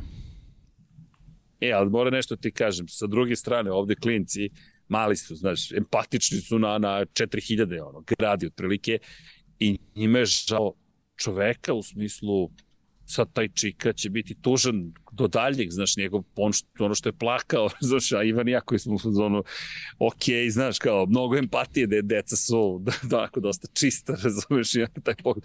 Nisi se, mora da im preneseš šta je Deki imao da kaže na celu tu situaciju. E, da, bit će otpušten samim da. tim. Ali dobro, dobro, idemo, idemo dalje. U svakom slučaju, da, ljudi nekako baš se okrenuli teme iz te perspektive, pa i to Red Bull Ford, da ne zaboravimo, zaista nemam pojma, to su neke spekulacije, ne samo da ih ne spomenemo, ne to ne samo da zaboravimo. Mi pričali smo o Fordu i neko nama je prvi pik za američkog proizvođača bio Ford, da uđe upravo u celu priču. Jer to je jedna od najuspešnijih kompanija svih vremena u Formuli 1. Čudno je što Forda baš dugo nema već izabrao da ne ulazi u hibridnu eru, izabrao neki drugi put, ovo je nova prilika i to što je upravni odbor rekao, mi sada moramo da razmatramo Formulu 1, meni negde pokazati da se nešto sprema. E sad, Pajo, ti si sad savršeno rekao, pitanje je da li će oni moći, da li će se oni baviti proizvodnjom motora, jer oni su dosta, neki ti mi ispravi koliko grešim, ali Ford je dosta tu zaostao sada, ja ne znam šta bi oni mogli, nisu kao Audi da mogu baš da iskoriste nešto gotovo i kažu, e, ulazim Pa mislim, mislim, ja da, mislim da ne, ali eto generalno ta neka tehnologija koju Red Bull usvojio možda dozvoljava da se to samo rebrandira, tako da ovaj, njima, njima iz ove perspektive to odgovara da se brzo uključe u trku, posebno zbog toga ako, ako generalno se Formula 1 gleda kao nešto što stiže na američko tržište, Ford mora da bude vrlo zainteresovan da mhm. odgovori pre svega Tako svojim je. rivalima. Tu, tu ne moramo nikakve druge ambicije da gledamo i to je onda isto jako zanimljiva priča generalno zbog te amerikanizacije Formula 1 i, i, i poistovećivanja sa NASCARom i tako dalje i tako dalje i Toyota mora da, da počne da razmišlja gde tako je on je. tu. A opet deki, tako da, nije, nije, to, nije to sad tako bezvazdano iz njihovih poslovnih uglova. Da, a treba gledati Red Bull. Tako šta i da trebaš da ćutiš i da budeš po strani, znaš, to je to je ovaj sad postaje skupo. Pa za njih da da može može da bude mnogo skupo. Tako da ovaj treba to gledati pre svega iz te perspektive eh, gde će se Formula 1 i na kojim tržištima u stvari pojaviti u toj nekoj budućnosti. Mene više zanima, eh, meni je jasan Ford. Naravno, i poput neki sve si lepo rekao, Ford prosto mora da bude prisutan, a šta je interes Red Bulla? E, to me zanima. Jer eh, ja sam njih video da. u sprezi sa Hondom. Jasno sprezi sa Hondom, pogotovo što je japanski proizvođač stavio do znanja da želi da ostane nakon 2026. Meni deluju kao onako uh, idealni za saradnju, ali se vraćamo na onu priču koju potežemo već jedan duži period, u kom pravcu Red Bull generalno ide kao kompanija nakon, nakon smrti vlasnika. Tako je, tako je, to je, to je aspekt koji, koji je jako važan u čitoj priči, priči oko Red Bulla možda, možda u neku ruku i moraju da, da ovaj, idu, idu uz, uz Ford da nalaze neke nove, neke nove saradnike kako bi, kako bi lakše opstali u, u, u, u tom periodu koji, koji će biti vrlo, vrlo zanimljivo od 2026. Tako je. Pa vidi, apropo Red Bulla, da, to je sad to veliko pitanje. Da li ta kompanija i dalje gleda Formule na načine koje je gledala pa, nekada? Da li, to. Da li Da li je to ostalo? I s druge strane, znaš, ono što je meni, hajmo ovako, ako možemo da tumačimo zašto su odustali od saradnje sa Porscheom, da nisu želeli prosto da budu druga liga u okviru svoje ekipe koje su sami stvorili i da Porsche upravlja njima, deluje mi da bi možda u Fordu mogli da nađu ili bilo kome saradnika koji kaže ok, vi radite vaše, mi radimo naše i to je neki suživot koji se ima odgovara. Jer ti pa, si znaš dalje kako, izvini, tim, izvini, sad sam samo sam se setio pričamo. pa da mi ne pobegne, ovaj, mislim, oni već imaju iskustva da, da. A, sa, sa tim uključivanjem uh, raznih brendova u tim, to su radili sa Aston Martinom. Tako da, da Red Bull Jesu. već otprilike ima šta da ponudi u nekim paketima za neku kompaniju koja želi pre svega vizualno da se pojavi u Formuli 1, a onda možda i u nekim tehnološkim daljim saradnjama, to sad sve zavisi od njihovih ambicija, ali generalno Ford kao Ford mor, mora plavi oval da vrati ovaj, u Formulu 1 ako imaju ta saznanja da ti njihovi najveći rivali na američkom pre svega tržištu to ozbiljno rade. Oni jednostavno moraju da, da, da se pojave tu. Da, to da, ti je postalo, vidi, form, Formula 1 će postati kao, kao NASCAR za, za, za proizvođača u Americi. Bukvalno. Pa, to ti Lepo je zapravo, kaže ne, ona, ona se vraća, da budu tu. Nešto, da, da, pa ona se vraća nekim korenima u kontekstu toga zapravo da, ok, nećeš nikada kupiti bolid Formula 1 osim za najbogatije koji mogu povremeno da izađu na staze. Ali ti možeš da kupiš osjećaj da si u šampionskom bolidu tako što ćeš da kupuješ, zašto i Renault konačno gura Alpinu, zato što je to robna marka sportskih automobila. To je nešto najbliže što mi možemo ti ponudimo osjećaju Formula 1. Evo, kupi tehnologiju Formula 1. Konačno McLaren F1 kad se pojavio pre 30 godina, je čudesan, znaš, centralna pozicija, to je stvarno, imaš osjećaj da je Formula 1, oni su preneli tehnologiju form, tadašnju Formula 1 u automobil. Sad sa hiperautomobilima, pa sad jasnom komercijalnom, to je medijskom vezom, Jenson Button dolazi, Ferrari se vratio, Cadillac je već tu, Alpina je takođe tu, samo dolaze novi hiperautomobili i ti sad imaš tu baš jasnu vezu. Ima još jedna stvar koju smo zaboravili, ja se nadam da će nam se Bože pridružiti, a to je veza koja sada postoji i kada je reč reč o, o sportskim automobilima, da, se, da, da ne zaboravimo to. Dakle, mi imamo, mi smo imali LMP 1, 2, 3 i tako dalje, GT, Pro, GT kategorije. E sad, od pre par go, od pro, prošle ili pretprošle godine, ne mogu se setim, ili možda čak i ove to stupilo na snagu, da zako je promenjena struktura šampionata, pa čak mislim ove godine da je to ušlo. Imamo LMDH kategoriju i LMH kategoriju koja je zapravo GTP klasa. Samo da ne zbunim opet. Sad svi moraju da budu zadovoljeni. LMH, Le Mans Hypercars i imaš LMDH koje je zapravo uh, Le Mans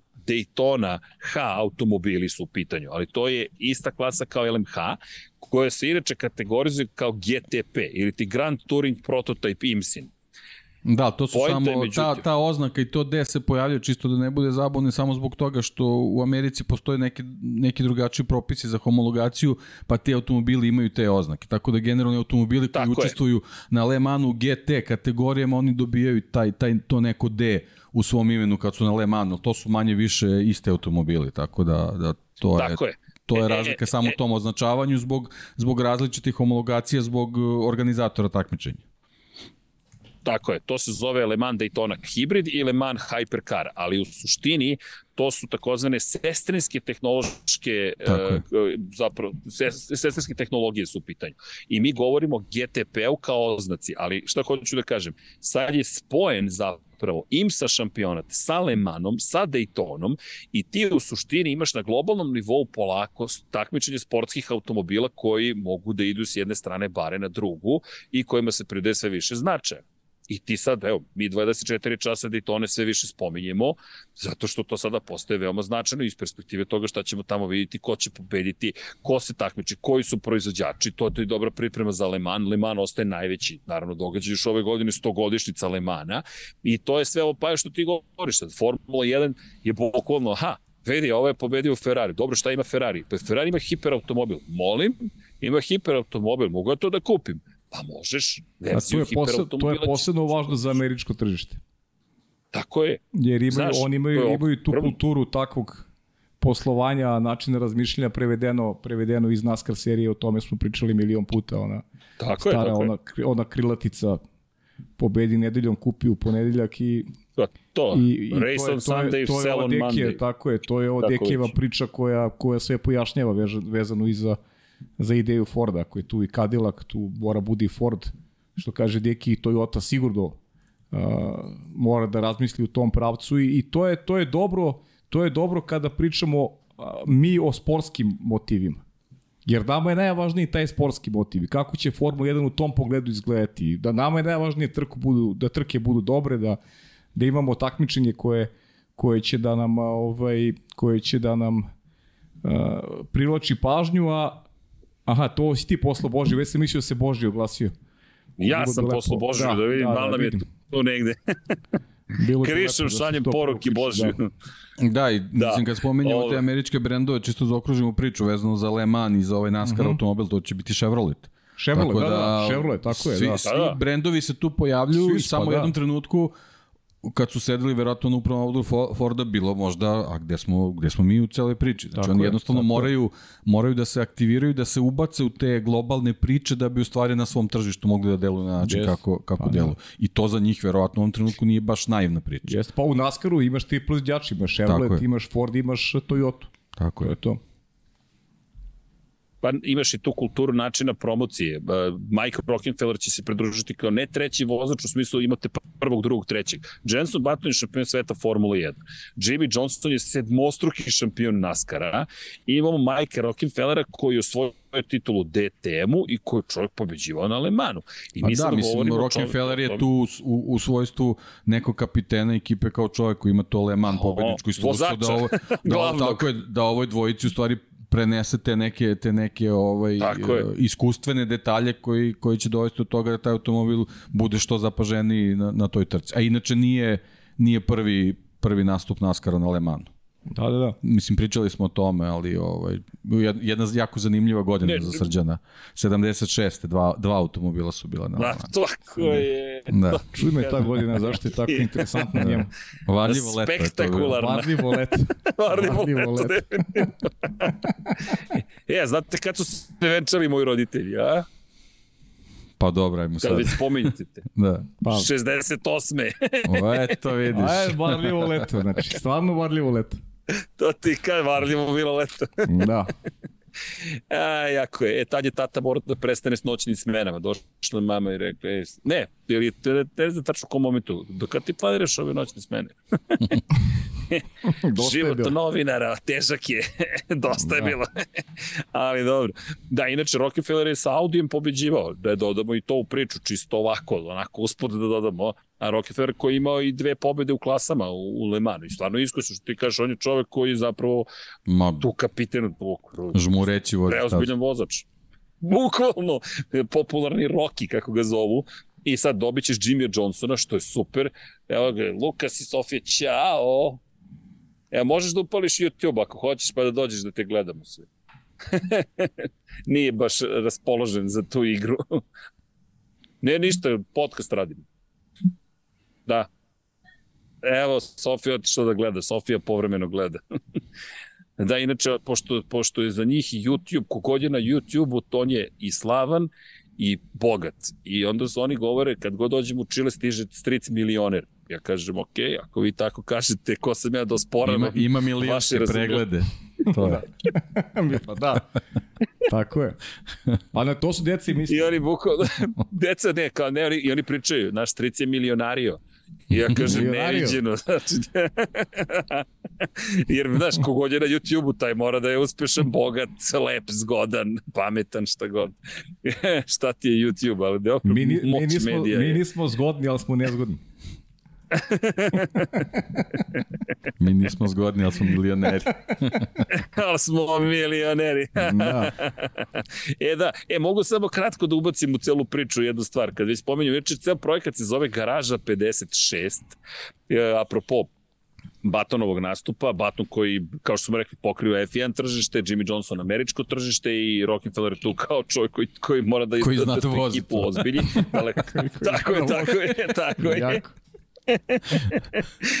I, I sad, u svemu tome, to je način na koji promovišu zapravo garaža 56. I to je jedan američki fazon promocije cele stvari. Ali, deki, ako smijem da iskoristim priliku, Ja mislim da bi ljudi trebalo da zapamti neki termin garaža 76, ako se ti slažeš sa mnom. Šta pa ti ne misliš? bi bilo loše, ne bi bilo loše. A?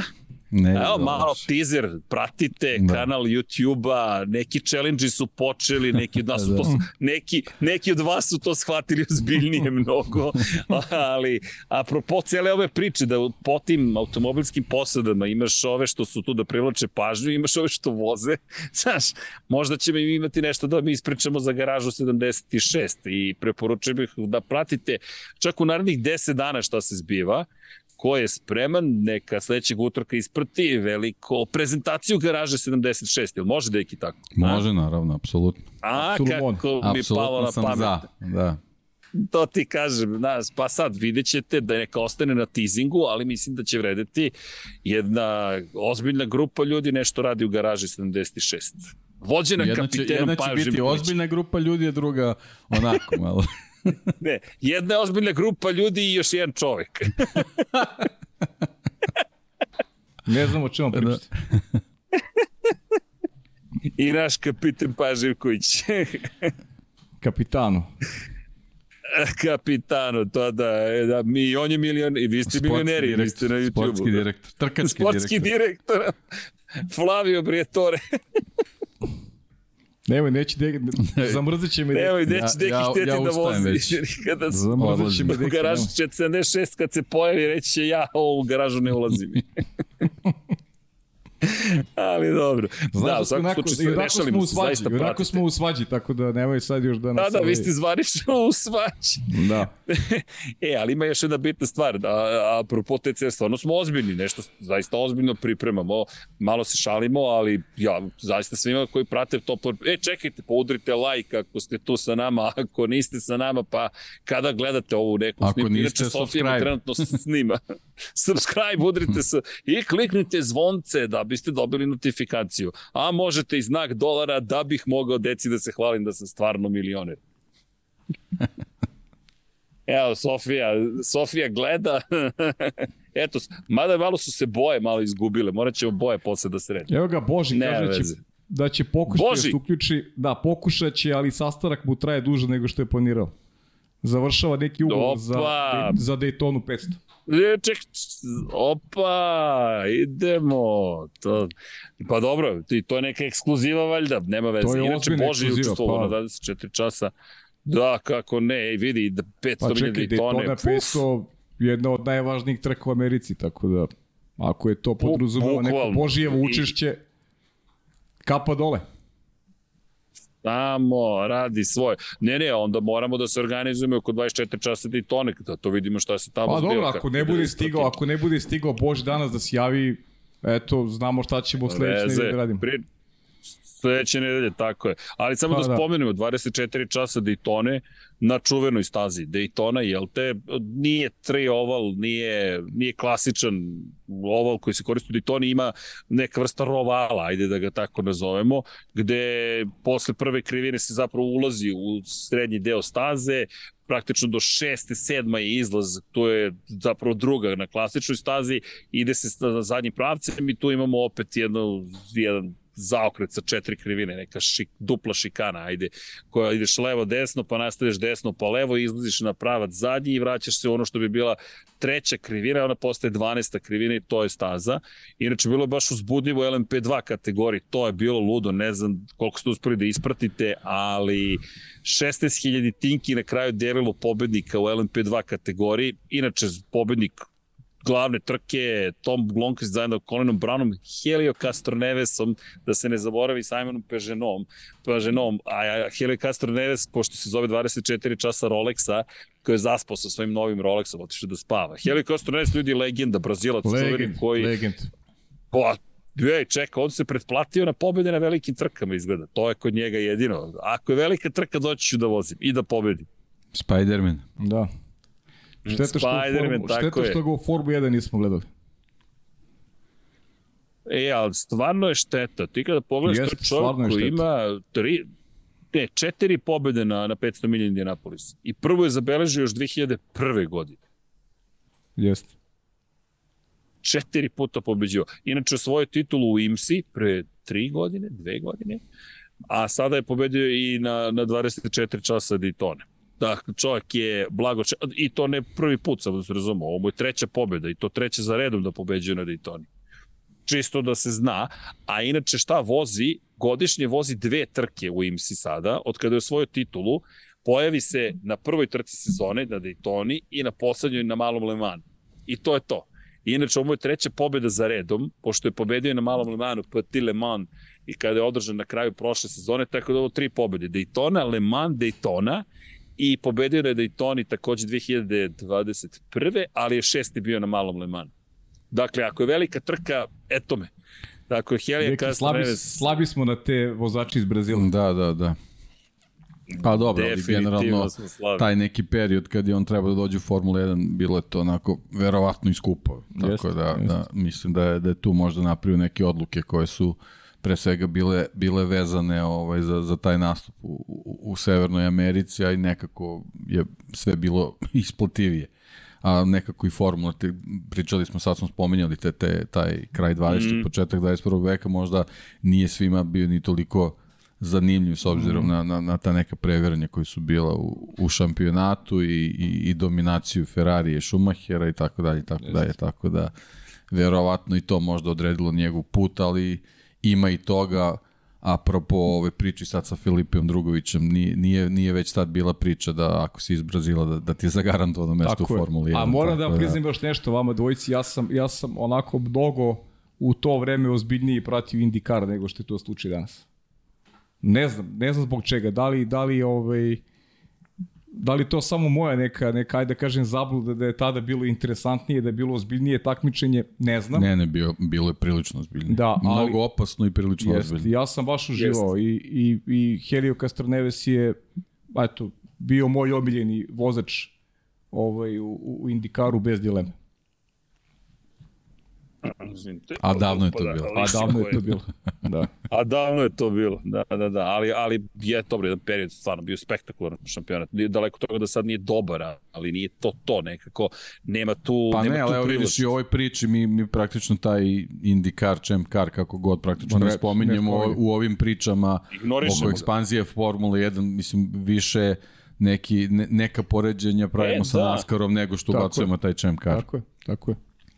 Jel, to je zanimljivo. Da li IndyCar gubi popularnošću Formule 1 ili se prenosi malo i ta, to interesovanje za jednosede na IndyCar. Vidiš, to bi trebalo... Pa nekako to je, to je u Americi, vidiš, postoje potpuni fenomen, pošto taj šampionat stvarno ovaj, nek, nekako je tamo pao u zapećak pre svega zbog onih njihovih podela koji, koji su se desili. Verovatno to da. bio neki, neki onako da, da, to je ključni trenutak, ali, ali vezano za, za tu trku, ono, za, za to takmičenje u stvari njima, njima je jedini jedini neki link koji ih drži u, u, u tom, tom ovaj, svetu vrhunskog automobilizma je ta, ta Indianapolis 500. Jednostavno Just. da nema, da nema toga.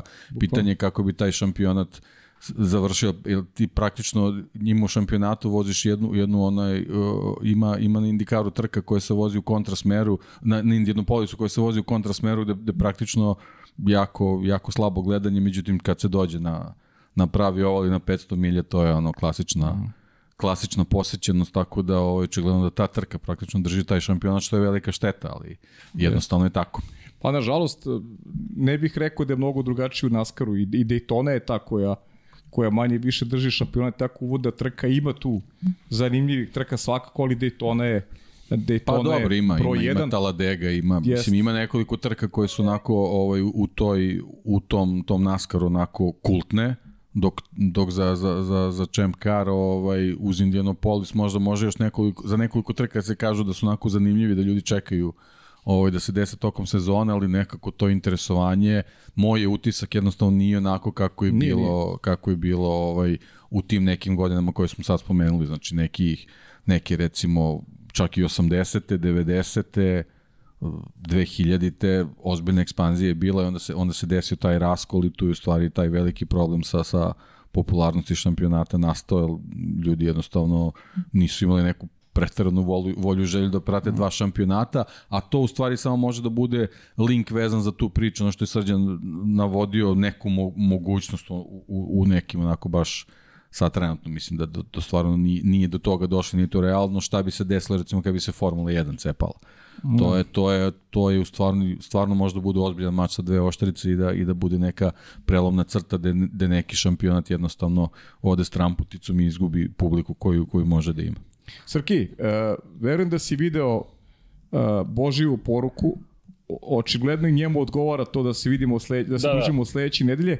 E, pritom, uh, posjetiću te u nedelju je Clash trka i taman sledećeg nedelja možemo lepo da najavimo i Daytonu 500 milija. Dakle, Clash trka je u nedelju, time se otvara sezona, ona nije zvanična trka u šampionatu, ali eto imaće materijal u tom pogledu da sa Božijem, da sa Božijem popričamo i o ovoj kultnoj trci koja je, ajde da kažem, prva na rasporedu ove godine u, u, u sklopu onoga što, što mi pratimo i na kanalima Sport kluba.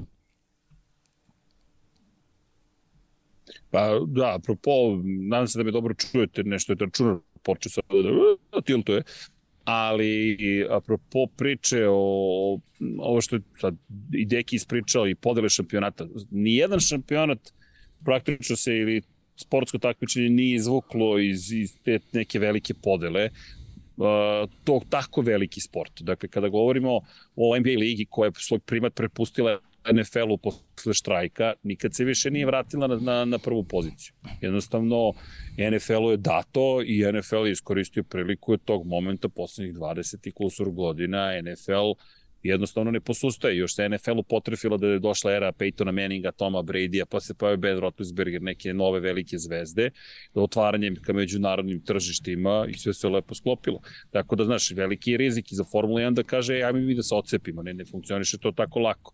Biće mnogo onih koji će biti rezignirani i reći, ne zanima me da se ovaj ovo pratim, biće onih koji će reći, ajme idemo da pratimo ovo novo, onih koji će reći, ne, ostajem veran starom i na kraju to nekako zamre i 20 godina kasnije ili 10 se svi ponovo ponovo udruže, ali to više nije to. A pa da, se, godina, ali moraš da imaš, moraš da imaš materijal da bi daš. širio priču i da bi pravio od nje i ekonomsku. NFL imao taj materijal koji si naveo, to, to danas to je danas imao formula u, tako je, tako je. sa, sa Lewisom Hamiltonom, sa Maxom Verstappenom, sa celom onom borbom koja se vodila 2021. Dakle, ti moraš da iskoristiš taj moment. Eto, očigledno ja stvarno nisam dovoljno upućen, ali, ali znam ko su mm. ko su ti likovi o kojima Ima pričaš. Smislam, ali, I, I naravno vidi, da, da ako pitanje... nemaš materijal taj sportski, pa ne možeš ti da širiš da praviš priču ako, ako nemaš ako nemaš zanimljivo takmiča, ako nemaš heroje koji Slažem koji će da okupe da okupe gledaoce. To to je to. Čekaj, šta bismo mi radili hipotetički? Svi oni kažu odosmo mi, idemo mi pravimo GP1 ligu i svi se spakuju i odu. Pa ne znam šta bi radili, ne, stvarno ne Znaš kao? Pa ne, nismo, nismo relevantni. ne šta, da. A, da. Mi šta bi, morali sve da pratimo, a možda bi želeli ne, da ne, da vidimo pazi, kako će da se stvari To ti kažem, vrto, tako je, da vidimo jedno i Samo drugi. vremena u 24 to, to, to. sata je sve Znaš, manje s obzirom na ovu ekspanziju šampionata.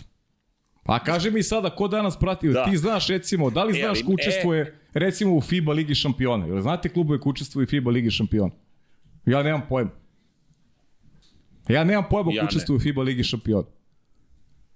A Euroligu svi gledamo. I da. to nevezano zato Dobro, što sad ja, igraju inače, i Partizan i Crvena da. zvezda, nego generalno, znaš, i kad nisu igrali, Euroliga je nekako, znaš, ipak takmičenje koje, koje ti daje kvalitet, koje ti daje ti ovaj neku, neku, neku zanimljivost ljudima koji vole košarku. Ja FIBA ligu šampiona zaista ne znam ko učestvo. Tako da bi se to vremeno verovatno iskristalisalo. Da, Trebalo bi na vreme da spoznamo šta bismo, gde bismo mi ovaj, pronašli sebe u smislu nekog aktivnog praćenja i, i, i, i gledanja. Ja u stvari prvo ne želim da saznam uopšte da, kako to izgleda, je, to pre svega. Tako. Neka bude to samo eto neko naglas razmišljenje, ništa više.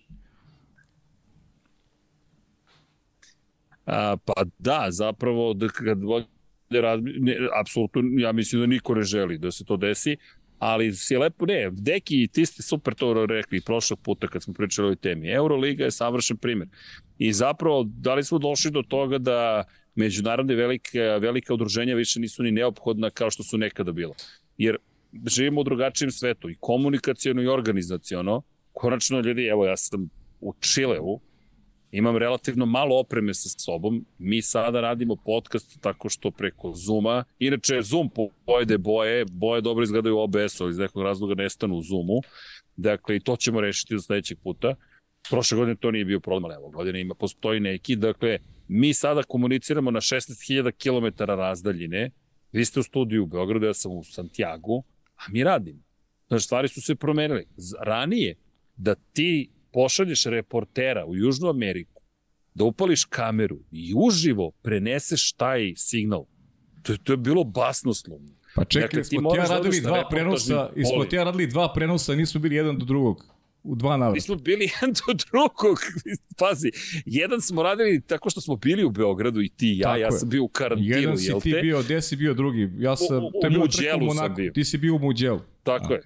Ja sam u Muđelu. Pre čemu ja sedim u kabini MotoGP-a i komentarišem Formulu 1 odatle, jer počela je kiša, rekao, ajde da ne bude ponovo Belgija 2021. I mi ti ja radim. Pa da, ali on je meni reper, on je, on je prvi prenos koji je bio iz mog ugla fantastičan. Dakle, Ja, ja mislim da smo radili super posao. Se, ne vidimo se, a stvarno je zvučalo i to su svi rekli kao, kao da smo bili jedan do drugog, zaista.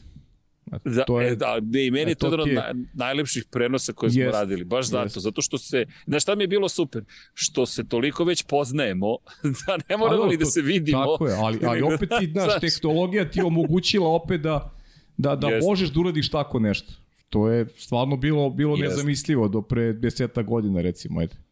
Bukvalno nezamislivo. I ti sad imaš drugačije federacije koje su ranije prožele neku vrstu i platforme komunikacijone, objedinjavale stvari, ti sad imaš potpunu i asihronu komunikaciju, ti sad možeš da postaviš poruku nekom, evo, mi sad radimo nešto live, ali to ako neko želi da gleda, može da pogleda kasnije odloženom snimku, ne samo u snimku, može da vrati, gde god hoće, kad god hoće.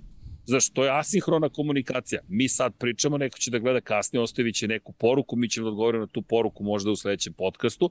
S druge strane, organizacijono, decentralizovano je sve, Nema šta je centra, centrala naša. Pa oblak neki tamo koji Google, koji je vlasnik YouTube-a zapravo ne pružio. I sad kad pogledaš timove, ne, u pravu si pa je.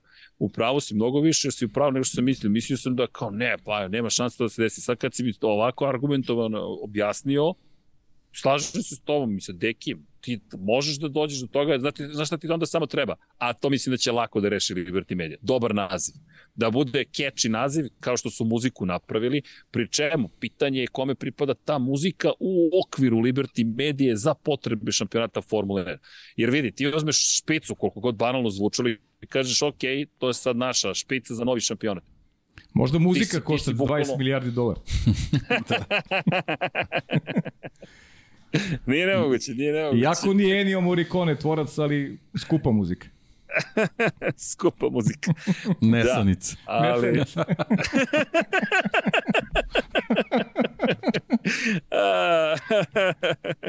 ali da, pazi, pa ovo je sad već mnogo zbiljnije. Tako da odgovor na pitanje kako Formula 1 može da se odvoji od Formula 1, tako što reći biti Formula 1, ali ćemo svi možda gledati, jer će biti najbolji vozači, najbolji timovi, najbolji bolidi i to je to. Pri čemu Liberty Media sada sada ima znanja koje ranije posjedovao samo Bernie Eccleston.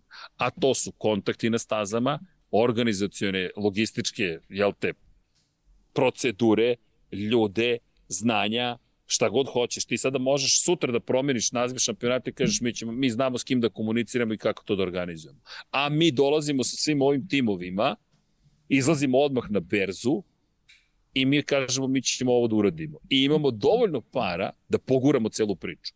Pri čemu ne sumnjam da bi našli nove sponzore koji bi rekli aha, možemo da uskočimo u igru zvanu buduća Formula 1 sada, zato što se vi ocepljujete od FIE.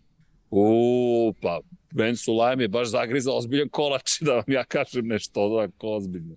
Dakle, ja, ne, znaš koje je moje predviđenje? Biće promenjen predsednik Međunarodne automobilske federacije pre nego što će se ocepiti. Ali dobro. Jer pitanje kome je to, znaš, nije, nije on jedini koji predstavlja FIU. FIA ima i drugi interes u celoj priči. I njoj je sada bitno da ostane relevantno. I to pa, je čuveno. Daš kako, i to je pitanje, da li on govori samo u svoje ime.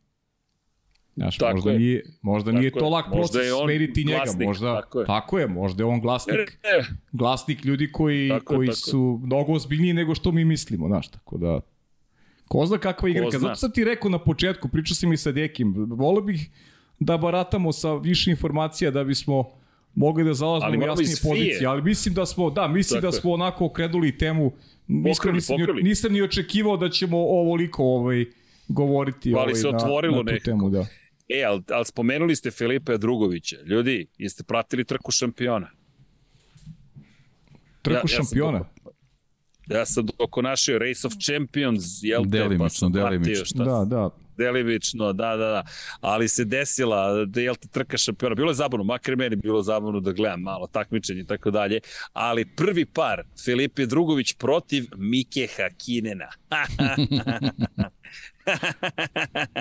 A, protiv Miki 2-0 je dobio u smini finala i pitaju Miku za intervju. Mora, e, ljudi, kogod nije pogledao, svima preporučujem, potražite na YouTube-u Mika odgovara, odgovara na pitanje Mika Hakine koji je odgovor na intervju počinje ovako.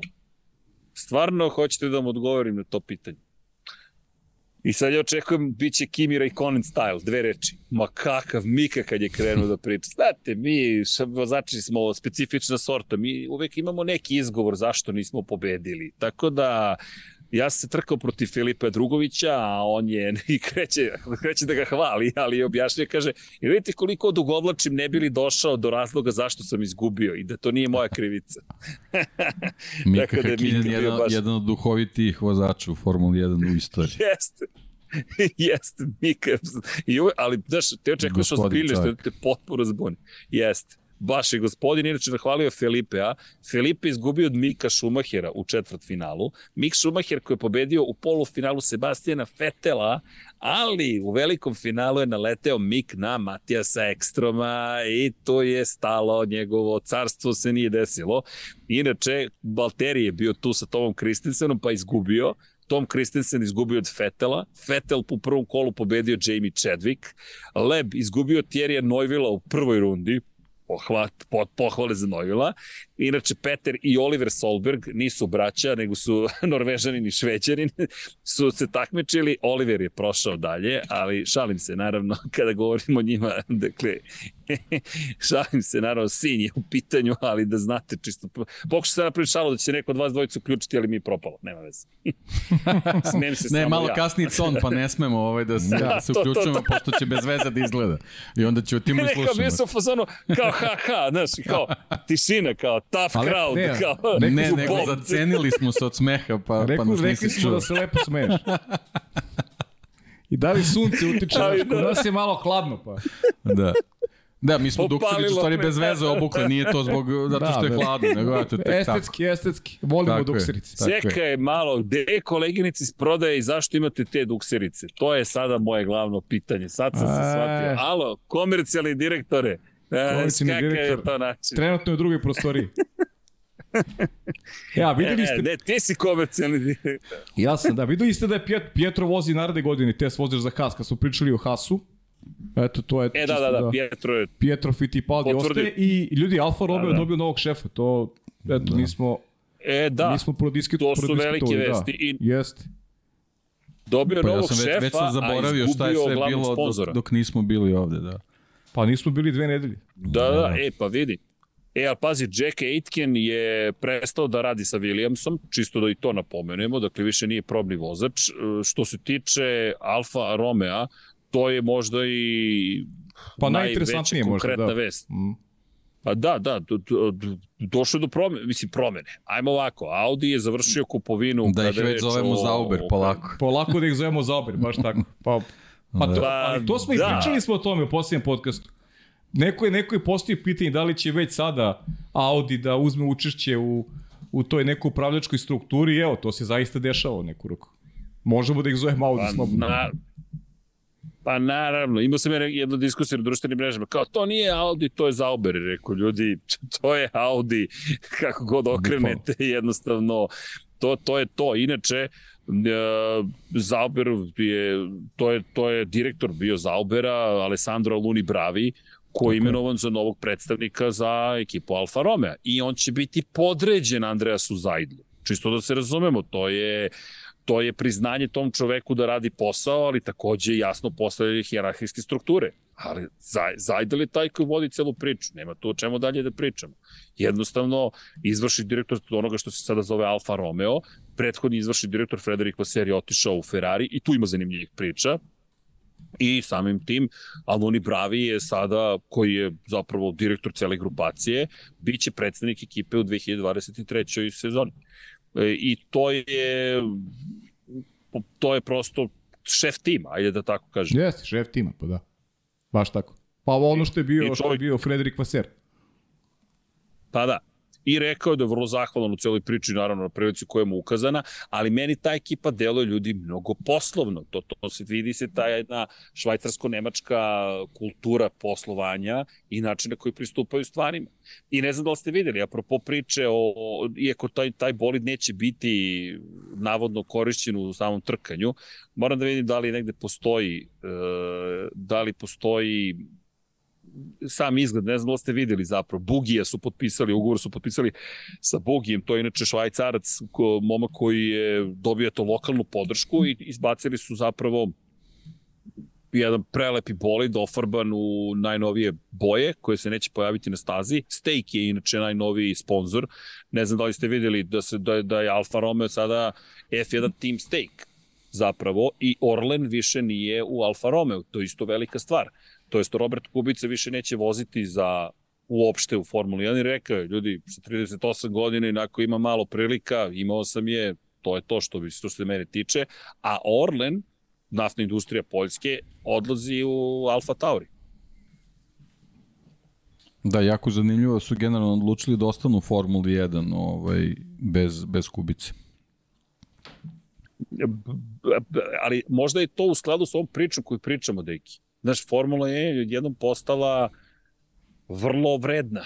I kad si već tu, uložio si toliko, promovi su si Kubicinu karijeru de facto, za Orlen se više zna nego što se znalo ranije. Možda negde neko procenio na nekoj berzi da to što su učestvovali i učestvuju... Pa verovatno, pošto ne znamo, ne znamo vlasničku strukturu Orlena, možda to, jednostavno to. neka ekipa koja je tamo je uz neke rezultate shvatila da bez obzira što vozač nije u priči, a generalno Kubica i nije bio ovaj, u, u priči, njemu je praktično samo to mesto na neki način kupljeno, ovaj Orlen je verovatno odlučio da da je ovaj promovisanju Formuli 1 mnogo više toga od, od, od podrške vozača sa, i, i svoje zemlje, tako da ovaj, to je u stvari možda još jedna potvrda da, da te neke vrednosti Formula 1 u tom nekom ovaj, komercijalnom svetu rastu i da te velike kompanije koje, koje su iz nekih drugih razloga bili u Formuli 1 odlučili da ostanu tu zato što jednostavno brojevi tako govore da je to prava odluka.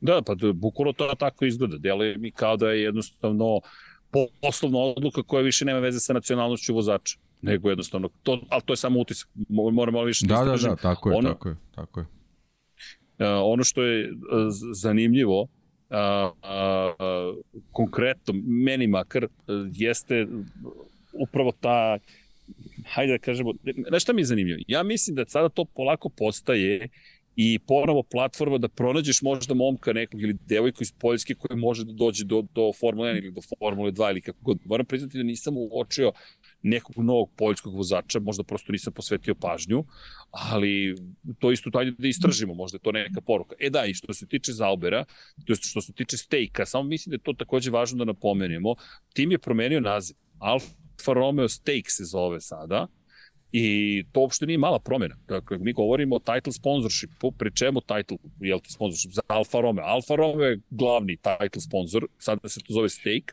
i očekujem da od sledeće godine će zaobre stake ili kako god biti. Inače, radi se o online kazinu i sportskoj kladionici koje je, koliko sam shvatio, kripto-based, jel te, u kripto svetu zasnovano na kriptovalutama. Tako da, eto, čisto da imamo i to u vidu da negde se i te stvari dešavaju. Znaš, jer ti kada pogledaš kripto u ozbiljnim problemima, a ti odjednom imaš stake koji ipak ulazi da spozoriše Alfa Romeo. To nije mala investicija. Da, interesantno izgleda. Da, evo, znaš, stvarno su lepo to napravili. E sad, u toj celoj priči, Steak je, rekli su da se neće trkati s ovim, s ovim livrejem, dakle neće ovo raditi, ali opet, znaš, ti sad imaš i iz perspektive događaja, eventova popularnih, jel te, situaciju u kojoj ti koristiš svoju Formulu 1 kao promotivni proizvod, kao nešto što privlači mnogo pažnje. I oni su ovo radili, pritom ova cela organizacija događaja je bila u wellness resortu Waldhaus, Waldhaus filmova. Tako da ti imaš sad kompletno spajanje milion nekih industrija. Eto, da, da, to, da to ne zaboravimo. I da, zanimljive vesti iz Ferrarija, gde je Frederik Vaser rekao da ti izveštaji da imaju 30 konjskih snaga da. više, da, Lukas, da to nisu tačni, što je zanimljivo da kaže šef jedne ekipe, obično se svi timovi hvale, ali mi deluje da Vaser ima baš taj pristup no nonsense, nećemo sada da izmišljamo stvari, nego ćemo da se bavimo malo ozbiljnim pristupom. I još jedna stvar, zanimljivo je da su rekli da im prioritet nije potpisivanje ugovora sa Charlesom Leclerom.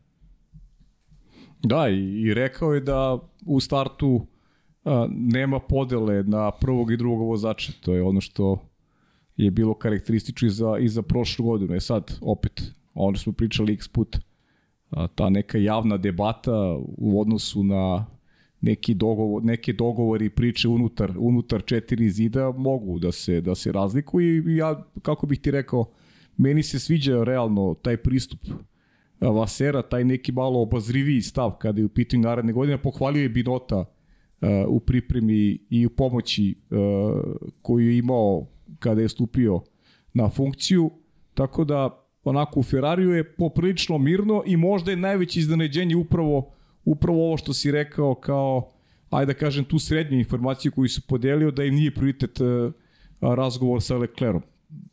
Možda i oni čekaju da, da vide kako će sezona da se odvija, kako će sve to da izgleda na stazi, pa da onda u hodu rešavaju rešavaju ovaj priču vezanu za eventualni popis novog ugovora ili možda potragu za nekim drugim rešenjem. Ja tako vidim stvari. Da, pa ovo što si rekao je, je prilično važno, gde je stav jasan. Neću da uopšte se mešam na početku, ne govorim ni jednom ni drugom da je neko bitniji od drugog, ali, ne, ali sam spreman da kada dođe trenutak kažem kako treba stvari da se organizuju. Mislim, mislim da je to super način da pripremiš vozače čuveno bavljanje Jest. očekivanjima. Da Kore, Carlos Sainz zna šta može da očekuje. Korektno, jer, jer daš kako u sportu, u sportu, pa i generalno naš u životu ne treba da postoji baš a, onaj termin stare zasluge, znaš, ne možeš u, onako često da, da, da, da se vodiš da se vodiš tim razmišljanjem. A, pogotovo što razgovaramo mladim momcima koji još nisu zauzeli neke svoje jasne pozicije. U krajnjem slučaju jedan i drugi koliko imaju šampionskih titula Leclerc i Sainz? Pa nemaju ni jednu. Uh, imamo uzorak iz prošle godine da je Leclerc bio mnogo bolji, ali ko kaže da Sainz neće da odgovori? Ja iskreno sumnjam u to, ali treba im dati šansu da se da se pokažu na stazi. Pa ukoliko Leclerc opet bude bio dominantan od Vasera, kao šefa time se očekuje da adekvatno reaguje. I nadam se da će Ferrari to raditi za razliku od prethodne godine. To je jedini prirodan put, ali sad je pitanje jedini. da li će biti takav, da. Pa da, navodno prema, prema pisanju autosporta, pa i, pa i prvi media call, prvi, prvi razgovor sa, sa predstavnicima medija kao šef Ferrarija je prošao tako što je što je zapravo objašnjavao i, i ja se s tim slažem, da Sermi deluje kao da ide pravim putem. Zašto? Ferrari nije u, u ogromnoj krizi. Ferrari je u situaciju koja je već zilion godina. To je da Ferrari je... u organizacioni krizi. Ferrari u organizacioni da. krizi. Ali, ali, ali, nije, ali ako ti sad dođeš i odmah sečeš, bojim se da će samo napraviti veću krizu.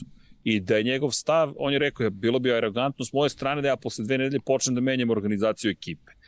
Ili ti. Ja, ja se s tim apsolutno slažem dva put meri jednom seci. Mora prvo da razume ko šta radi, ko zaista je onaj ko treba da ostane i ko je onaj koji zaista treba da ide i šta treba da se promeni. I Matija Binoto je pokušao da se bavi tom, tim, tim tom kulturom silusa, to je mentalitetom silusa, gde svako odeljenje ne, ne priča sa drugim, svi su tu jedni pored drugih, ali niko ne komunicira ni sa kim, nego ja obavestim šefa mojeg tima, a onda to oni pričaju između sebe i to spuste dole na ljude. To je zastareo način komunikacije komunikacije, ne odgovornosti i, i, i, i podele odgovornosti, što je navodno pokušao Binoto da reši. I primo predaje, to isto pohvalno za Binoto, on je primo predaju izvršio gotovo besprekorno prema rečima da, Lasera. Gospodski, gospodski. I to je, to je isto nešto govori o Binotu. S druge strane, Vaser koji je jasno rekao, ok, prvo da vidim ko šta, kako, zašto radi, onda ćemo da sečemo. Ja mislim da će on brzo da seče kada shvati zaista ko je tu bitan. Navodno, Benedetto Vinja, izvršni direktor Ferrarija i on često se razgovaraju svaki dan, e, makar jednom, i dva, tri puta nedeljno idu na zajedničke ručkove i večere. Ili ti, čovek je krenuo od vrha Ferrarija. Zašto? Pa tu se slažem sa komentarom iz autosporta. Ako ti hoćeš da rešiš politiku unutar kompanije ili ekipe, ako nemaš podršku top level managementa, ti ne postojiš to što ti pričaš je samo salata reči, to je nešto što ti bla bla bla bla pričaš, a onda menadžment zapravo povlači neki drugi potez. Ti moraš da imaš menadžment na svojoj strani. Ako ga nemaš, to nigde ne vodi. To je moje ne, mišljenje, ne znam da se slažete. Znaš kako, pa slažemo se, slažemo se generalno i, i samo će a, trke i, i, i situacije oko istih da, da nam onako jasno otkriju da li smo dobili suštinsku promenu ili opet to neka kozmetička promena gde eto se onako Matija Binote označen kao krivac i sad ćemo i dalje da teramo po starom sa, sa nekim novim čovekom. E, ako je a ja verujem da Vaser ima autoritet i znanje, potrebno mu i vreme da, da se ljudi naviknu na njega, u krajnjem slučaju gde on vidi u koga, u koga možda ima poverenje i pitanje je samo da li Ferrari ima dovoljno tog vremena da, da ovaj počne sezonu onako kako žele, a Vasteri je rekao da je, da je cilj Ferrarija da osvoji šampionsku titulu, dakle od toga, od toga ne beži evidentno. Pa, da, mislim, i to, je, to, je jedino, to je jedina stvar koje, koje, koje Ferrari interesuje, tako, tako da to nije ni demagogija, nego jednostavno to je, to je činjenica koja s kojom se susreće svaki menadžer koji, koji dođe na poziciju, ali ono što je Srđan rekao, ja apsolutno se slažem s tim, to je ključna stvar da on top management ima na, na, na svojoj strani. Zato što jednostavno oni, oni trebaju da budu tu i da se samo pojavljuju s vremena na vreme na, na, na tim trkama i da, da uživaju rezultatima. A jednostavno ako, ako dođe do toga da, da, da su njegove, njegove organizacijone priče ono, priče koje odlaze u vetar, jednostavno doći ćemo na, na, na isto već posle, posle nekoliko da. trka. Tako da već, već ono, ja mislim da ćemo možda, možda već i na zimskim testiranjima videti da li postoje neki pomaci u toj organizacijnoj strukturi. Da, inače, jedan od zaključaka isto ta gvozdena, gvozdena pesnica, to jest bit će spreman da vrlo brzo seče stvari ukoliko proceni da je to neophodno. A ono što mi je zanimljivo u celoj priči, samo mi je veza neko sa Aston Martinom, pošto se i, pošto je Lance Stroll rekao da, da prosto da će dolazak Fernanda Alonso i njegova agresivna priroda gde je stalno tera ljude gura u napred, da će pomoći zapravo ekipi. To je, to je, to je mišljenje Lensa Strola, pošto je poznat Alonso kao neko koji je zahtevan prosto i ajde da vidimo da li će to zaista pomoći. Pa čisto pravim tu paralelu negde sa Vaserom, kao da je potrebno neko ko je takođe zna kako da uvede disciplinu, ali ne samo disciplinu discipline radi, nego da zaista znaš zašto to radiš i da znaš da moraš da budiš disciplinovan. Jer, apropo, vratio bih se na, i na malo pređašnji komentar, deki, apropo utakmice između Bengalsa i Kansas City Chiefsa.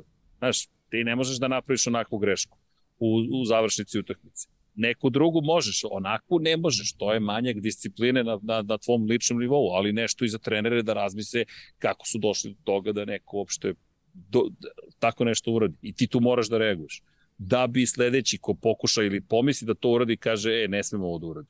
Tako da ajde vidjet ćemo da li će ta filozofija i kod Alonsa pomoći i, i, i u Ferrariju. Mada meni Ferrari s Vaserom zaista deluje kao da je pravom putu. Ja bih se suzdržao ovaj od komentara. od optimističnih komentara. Čekamo da prođe dve, tri trke da vidimo. Pritom, nismo dobili promene opet koje smo očekivali. Uh, šta se dešava uh, sa... U kom smislu? Pa u smislu šta je sa Ruedom? Recimo. Da, pa, ali ja mislim da će to doći, pa je. Da je on Misliš? sada došao... Pa evo ga, Znaš evo, ga, evo ga februar. Ne, vidi, Kuca oni su prekasno prekasno su imenovali izvršnog direktora i ja mislim da je da je Vaser samo rešio da da sedne i da vidi da li u, u novom organ ćao momci da u novom organizacionom sistemu može da iz Ruede ili ostalih elemenata nešto izvuče. Ja mislim isto vremeno da je da da, da želi da on vidi tačno šta je tu problem i gde je nastao problem. Da li možda Rueda zapravo nije kriv, nego je neka organizacijono-komunikacijona greška tako je dovela do problema.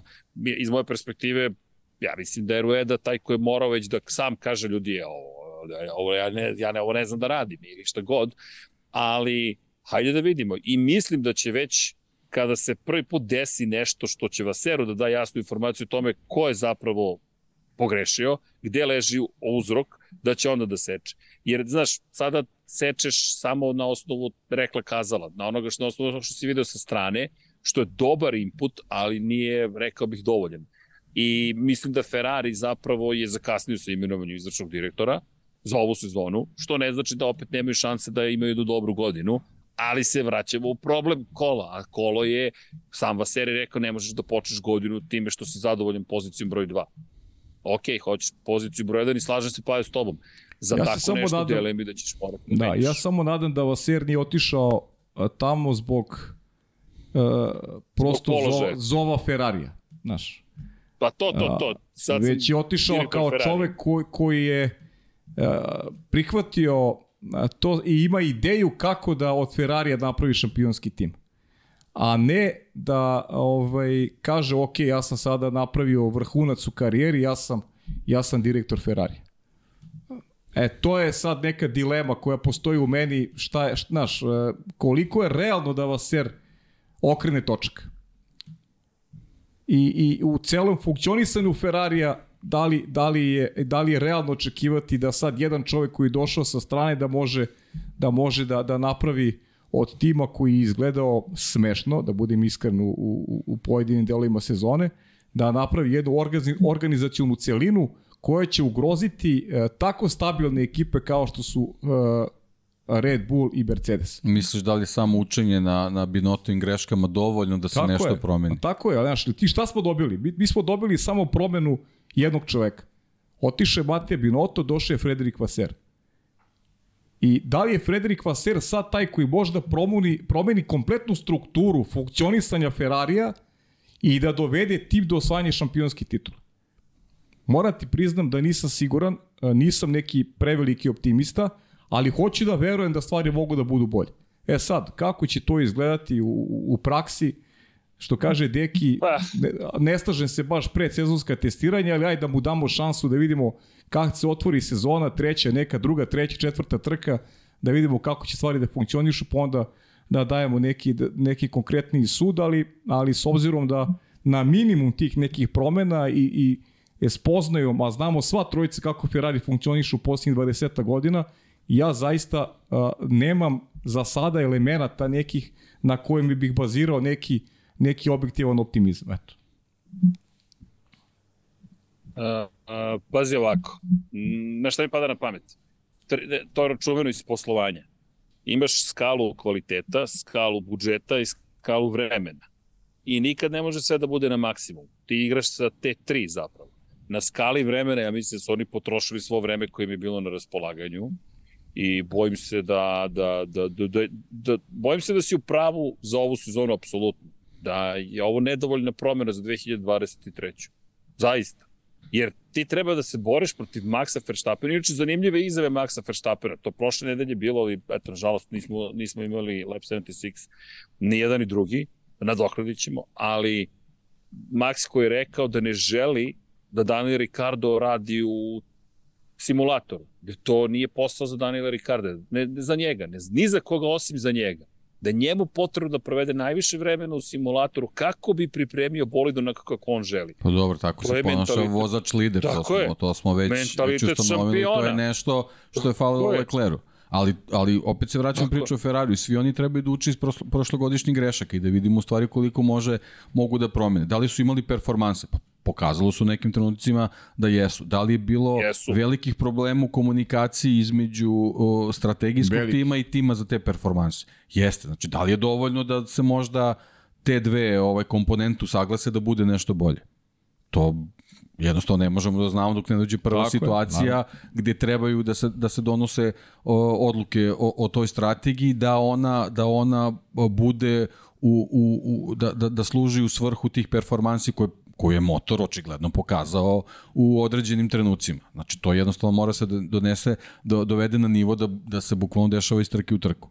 I, što se tiče vozača, bez obzira ko to bio Sainz ili Leclerc, očigledno da taj koji koji osjeća da ima da ima ovaj kvalitet da da nosi taj Ferrari da bude kao prvi vozač, uopšte neću sad da ulazim u to ko je, ko je, ko je tu e, bolji, ali ono što je Paja rekao, Leclerc je pokazao da je u, u, u određenim ključnim trenucima, trenucima brže vozač od, od Sainca, da neko od njih dvojica jednostavno mora da preuzme tu ulogu lidera kao što Max Verstappen radi u, u Red Bullu, koliko god to delovalo organtno, to je u stvari možda olakšavajuća okolnost za ekipu. Tako da moraju vozače da se uključiti u tu priču. Znači oni nisu samo zaposleni kao šoferi tamo, znači moraju ozbiljno da se uključe u tu, u tu priču pripreme ovaj, automobila i čitave ekipe za novu sezonu. I sad, saznaćemo, nema odgovora. Pa Možemo nema, samo da sedimo i da čekamo, nema ga. Jednostavno možemo. Pa dobro, ali vidi, Carlos Sainz je dobio novi Ferrari. Šal na stranu, ali da, ne znam, ne znamo, nemamo pojma, možemo samo da pratimo. Ono što sam ja htio da kažem jeste da ti sa druge strane imaš šampiona koji ima dve titule za redom, koji je gladan uspeha, koji sedi u simulatoru i najviše radi, koji javno kaže ljudi, ja sam ovde glavni. I to tako i mora da bude. Ne, ne, ne znam ni, tu nema diskusije, niti treba da bude. Halo, ovo je moja ekipa, moj šampionat, ja sam sada broj jedan i znate i sami kako to ide. Jedno kad se popneš na vrh, ne smeš da ga ispustiš. A to je bila ona stvar što, što smo se sporili, što je, što je bila priča u, Briz, u, u, u Brazilu. Jednostavno, on, on svakim svojim gestom pokazuje da je on taj koji odlučuje. Ako se Red Bullu ne sviđa, menjajte, ali naravno Ćao. se to neće desiti u ovom trenutku. Pa, Mislim, vrlo je on svestan toga, mislim, zato, zato se to tako i dešava, ali on ima neku svoju misiju i on, on ne odustaje od toga. Mislim, jednostavno gleda, e, gleda, sad... gleda u svoje dvorište i ono što on može da uradi i to je jednostavno tako. To može da se ne sviđa ljudima, ali da bi uspeo u tom sportu moraš takav da budeš i to je to i to je to, ali on te čeka, on čeka taj isti Ferrari, zajedno sa i dalje verovatno inspirisanim Adrianim Newem koji čuti, niko se ne oglašava iz Red Bulla, samo se radi imaš istovremeno Kristina Hornera, imaš Helmuta Marka, tu nema promena, stabilno je, najveće pitanje je za glavnu kompaniju kakav će odnos imati prema Formuli 1, i imaš Mercedes, koji kaže nismo još dovoljno napredovali, što je isto neka vrsta poruke. Ej, ajmo da spustimo očekivanje, pa ako bude bolje nego što smo planirali. Pa okay, da, ali su, ja, ali su ja, to dva sistema, to su dva sistema koje u poslednjih 12 godina osvajaju šampionski titul. I ne ti, menjaju se mnogo. Ide, I daš uigrani sistemi. I imaš mladog vozača koji je dva, dve godine zredno šampion sveta. I ti si u Ferrari napravi jednu promenu. Doveo si novog šefa tima koji sada treba da Ferrari dovede do šampionskog trona. Znaš, i zato i kaže da vidimo da li je to neka kozmetička promena ili stvarno sa Vaserom dobijaš nešto suštinski u reorganizaciji čitavog tima. Da, što u stvari Znaš, Binotto nije znao da skuva možda na najbolji tako način. Tako je. Da vidimo da li, i, i da što je još pitanje, da, da, li, da li će Vasera zaista dobiti priliku da, što ti kažeš, skuva to na najbolji mogući način? E, e zato, Znaš, zato je to sedenje je... sa izvršnim direktorom toliko važno. Yes. Znaš, ti moraš tog čoveka da imaš na svojoj strani neprekidno. Tako. Ti moraš politikom da se baviš ti, se ne baviš ekipom tako što odeš u garažu i fabriku, nego odeš prvo kod glavnog šefa Ferrarija i s njim si u dobrim odnosima. Pa zato si šef dakle, tima, ti ej, treba napraviš... Okay. Znaš, ti treba da stekneš i neki autoritet kod svih ljudi, kod, ajde, tih relevantnih ljudi koji, koji ovaj, mogu da ti pomognu da, da te neke tvoje ideje izađu na videlo i da, i da cela organizacija kaže, ok, mi verujemo ovom čoveku. To, je, to nije lako uopšte, a a treba vremena da, da zasluži jedno tako poverenje. I kažem, ograđujem se, da li, da li je, znaš, zanima me šta je generalno, da li jeste ideja Johna Elkana i cele, cele te priče, e, cele te klike koja vodi Ferrari da, da se stvari, e, da imaju želju objektivnu da stvari iz korena da promene. Veruju, da veruju, i da veruju Vaseru. To, I da veruju da. Vaseru, ili su i oni e, poučeni pritiskom, ne znam, sus, u stvari susreli se sa pritiskom javnosti pa su doneli jednu odluku koja je onako više, ajde da kažem, kozmetička i negde e, pokazuje eto kao neku njihovu svest o tome da su sve da da kao nisu stvari dobre, ali eto moramo nešto da menjamo. Ovaj pa ajde jednom čoveku neka padne glava, nije nije, nije problem, pa videćemo da kupujemo vreme za za neki za neki budući period. E to je sad jedna dilema koja postoji verujem kod svih nas kada govorimo o, o, o nekim šansama realnim Frederika Vasera da da da da, da istinski promeni uh, tu učmalost koja obuzima Ferrari već uh, dekadu iza nas. Pa evo ti ga Zajdl. Zajdl je preuzeo Zauber, ali nije sebe postavio na ulogu šefa ekipe. To je bio u McLarenu. On je sada na, u drugoj ulozi i ima svog šefa ekipe. Pa da. Znaš, oni su promenili gore vrh, sam su postavili nekog novog i rekli, ok, ti sad ovo organizuješ šta treba da se desiti. A u Ferrariju nevidljiva ruka je uvek negde u blizini. Pa uvek, da. Pogotovo sad, naš, ta opcija, naš Francuz koji je došao u italijanski tim koji jeste, aj kad pogledamo suštinski, u nekoj organizaciju strukturi sve italijanski, stvarno ne znam. Jedva čekam to da vidim, zaista meni je Ferrari u principu svake godine neka, neka, neka enigma za sve nas, ali ovo će baš onako biti jedna, jedna i vrlo interesantna priča u krajnjem slučaju i, i, i živo mi interesu kako će to izgledati u praksi. Zbog toga i zanimljivo i zbog toga Ferrari treba da budu u Formuli 1. Da, pa dobro, naravno. to je to. Da, da, da, da. da. Bravo, deki. da, da, da. Da, da, da, bez toga ne, ne sme ništa da se desi. Bilo bi dosadno da nije tako. E, da. Jeste. Da, da, da, da, da, da, da. Ej, pa da, ali, ej, znaš šta sam se setio? A, sad sam se setio, Grand Prix World Championship, tako se zvao uh, sistem, uh, to jest je alternativni šampionat sveta bio koji su, koji su htjeli da formiraju i nastaje u novembru 2001. BMW, Daimler Chrysler, Ford, Fiat i Renault. Oni su osnovali i kako bi osmislili alternativu Formuli 1, ajde tako da kažem. I 2010. su oni isto imali predlog, poslednji bio da, da, da se neke stvari menjaju. To, jest, to ti je otprilike po potrebi, znaš. I to je jedna od stvari koja se dešava, to je dešavala se često zapravo, da je od 79. pa na ovamo bilo priča o tome da će Formula 1 da se odcepi, pa evo, 2010. je bila poslednja, pa sad imamo 2023. I imali smo A1 GP, ko se toga takođe seća, verujem gospoda u studiju. da. ja, sam, ja sam bio mali, ne znam. Jeste, ali dobro. Inače, deonice Formula 1 dosta dobro stoje, odmah da vam kažem. I Liberty Media. Uopšte nisu tako loše. Drago mi je zbog njih. Jeste. Puno mi je srce, stvarno. Da, da, da, da. da vidim da se silno radujete. Dobro, i da, pa, pa da, da uložimo momci, ja mislim da je vreme da kupimo negde neke deonice i da kažemo ok, da iskoristimo ovu Drugačije ćemo da pričamo onda o vlasničkoj strukturi. Tako je. E, onda će da vide ko je milioner, moji klinci. Tako je. Dobro. Momci, šta da vam kažem, Ima, ima tu, ima, uvek ima nekih novih vesti, ali ajmo polako da se pozdravljamo ako se slažete. Za početak dobro da smo radili Obzirom... podcast. Da, slažemo se i znaš da, šta, za ajde. početak dobro je. Sledeći nedelje, da znaš, sledeći utorak je opet je Waterpolo, tako da smislit ćemo. Pa možda sledeći. ovaj termin i nije tako loš. A ne, kad je Waterpolo? Waterpolo je Mislim da će morati ranije. Da, ne znam, još verujem i da ne znam. Znači, snimamo. Ali javit ću ti. Ne, ne, ne, javit ću ti či bude znao. Možda bude ovaj termin dobar u zavisnosti kad počinje utakmice.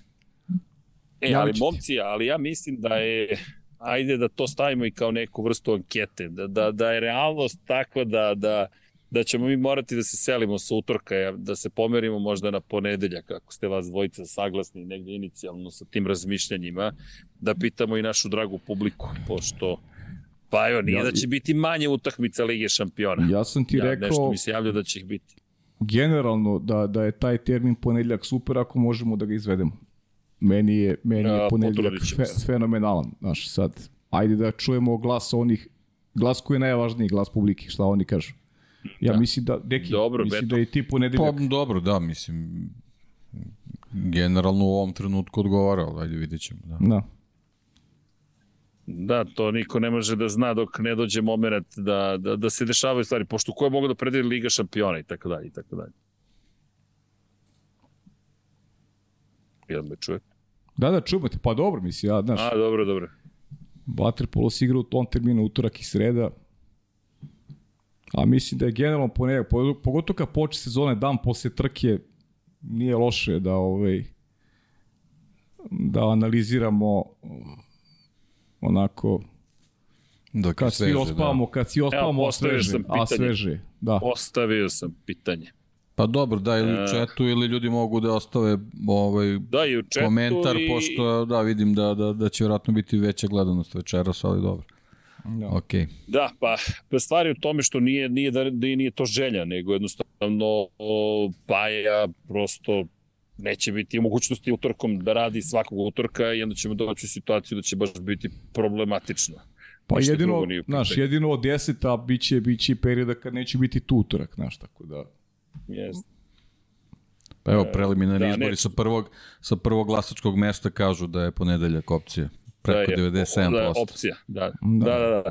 Ne, Bran, Brian Sadević kaže četvrtak je prazan hod. Jeste četvrtak, ali ba nije prazan hod, nego četvrtak je mnogo daleko od trke. Pa mnogo prođe od trke, već zaboravi šta se... Da, tako je, tako je. Četvrtak Meni je ponedeljak zvuči mnogo bolje, zato što u suštini četvrtak, ponedeljak mi zvuči mnogo bolje. Uh, jednostavno, dođeš u situaciju da, da, da, da možeš i emotivno nekako da posmatraš i dalje stvari. To je lepa kombinacija. Ima racija, ali ima i emocija, držite yes, nekako. Yes. Ko, ko, ko, ko, kad smo završili sezonu, a, a ne možemo ni sredu, evo Vuk predlaže sredu, ne možemo zato što je reč o tome da je sreda takođe dan za Ligu šampiona u Waterpolu, tako da Paja utorkom i sredom ne može, tako da nam je ponedeljak jedna od najvažnijih jedna od stvari koje ćemo verovatno imati, tako da znate. Ali eto, vidjet ćemo još. E, sprint podcast ponedeljkom, četvrtkom pun. da, ne znam, šta da radite, tu, tu svako ima neki svoj, jel te, sistem, 87-13, dobro, vidjet ćemo. Ali ja mislim da ponedeljak, čujte, da ima sve više i podcasta, ima sve više ljudi, jednostavno, šta da radite? Zato je snimak tu, asinhrona komunikacija. Pa da, to ali još jedan, udrite like. jedan problem što je Kada studio, god da gledate.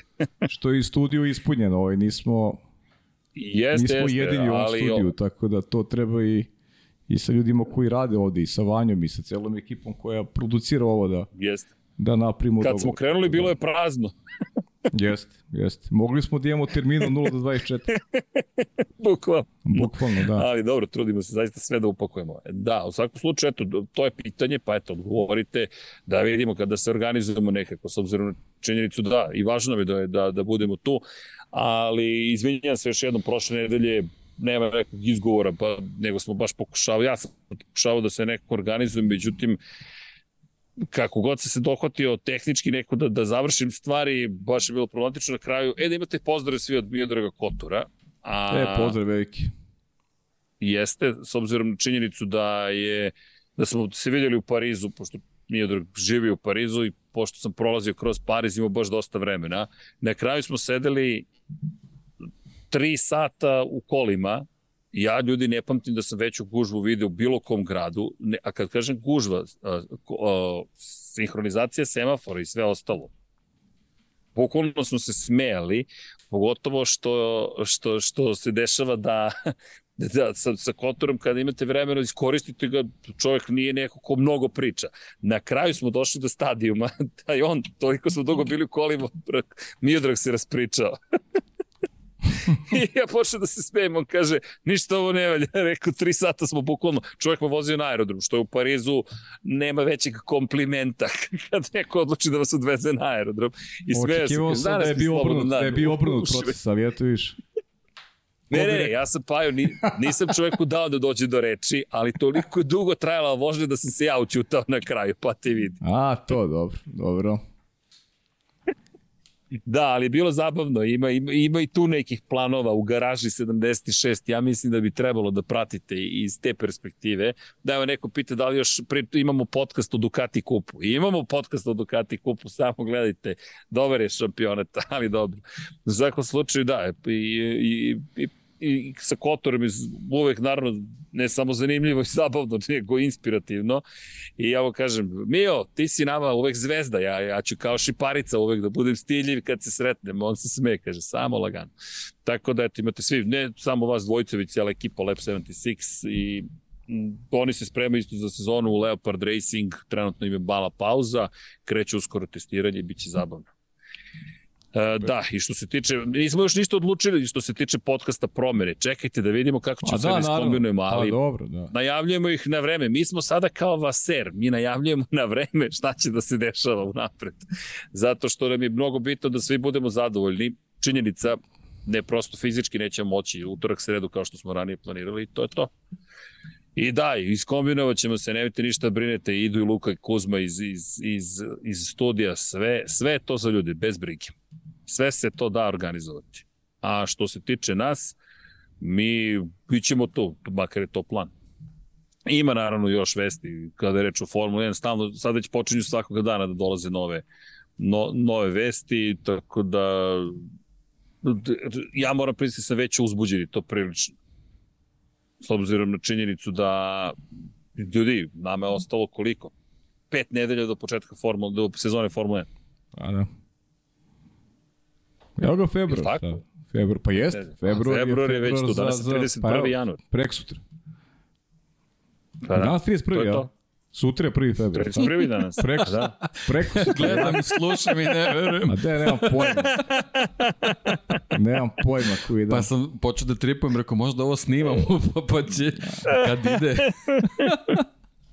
Sad baš onako. Nemam pojma koji dan. Ne, ljudi, nama je ostalo Evo ti najbolji komentar, idi bre Srki, kupaj se čoveče, ajde bre, pusti nas da se smrzavamo. Ali šta to znači, da se istuširam ili da idem u bazen? ne, ne, idi, vidi, vide ljudi šta je iza tebe, tako da nemoj nas da foliš. E, to me Burazer posadio, posadio me na sred, na sred dvorište, pošto je tamo gde sam ranije sedeo, trenutno je sve zauzeto, i rekao mi, evo ovde ti je lep kadar, a ono probija Jesu, svetlost ubija, ali nema lepo uz bazen. Dobro, kako se sećam, beše prošle godine neki roštilj bio iza, tako da uvek je neka jest, lepa scenografija. Bio je ja, roštilj, da, jeste. jeste. Ne, vidi, vidi. I mi ćemo deki samo sledeće godine. Sledeće e, godine ovo vreme. Neko mi komentarisao, neko mi je komentarisao, kaže, što se toliko hvalite kad putujete? Ljudi, ja sam samo sre, sre, srećan i Srećković, ništa drugo, ne hvalim se ničim. Nisam ja kriv što, što je moj brat pametan, to je čovjek ima kuću s bazenom, hvala na tome. Ali to, to je manje više to i Tako da, da, idem da uživam. A, a da li ja, kako ćemo, e, čekaj, e, da li ja mogu da pročitam? Pa ja mogu da pročitam i dalje Patreon odavde.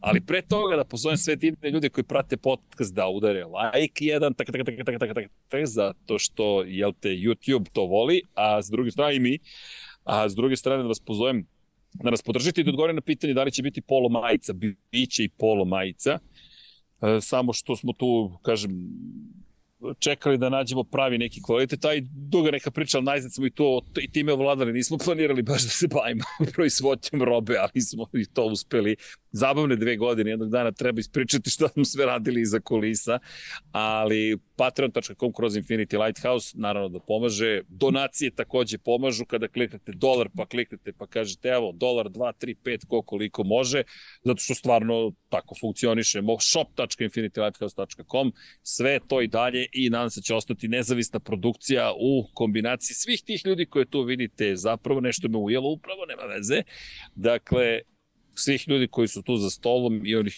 koji se kriju iza kamera i šaljem da pozdrav ime cijela ekipe. Da znao bi da je komarac ovako, pošto si u Čileu. Možda, ne, ja bi, ja bi pogledao šta da. me je ujelo. Možda je čivava. ne, ne. ne.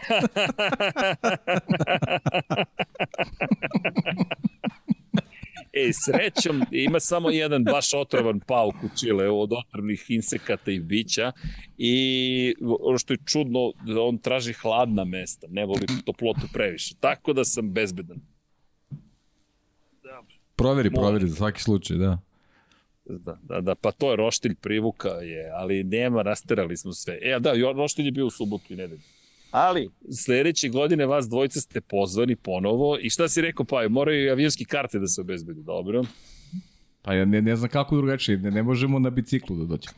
Niti da... Dnevnice, pa, pa, avionske da, karte, nešto, transfer. Taj, taj, taj Che Guevara moment ne mogu sebi ovaj da prištim.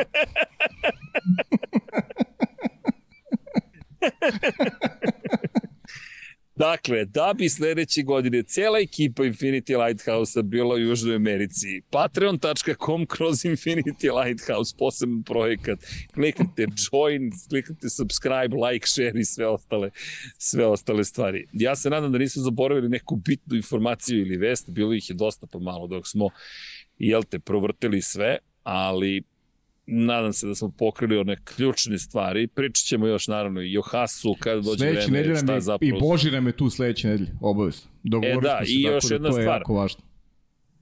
Da, i bitno je što iz perspektive timovi će uskoro početi sve više da predstavljaju svoje bolide. 3. februar će biti dosta takođe važan. Dakle, za, za, za ovu godinu imamo kombinaciju online prezentacija i i prezentacija uživo. Konkretno Red Bull će 3. februara da prezentuje bolid u Njujorku.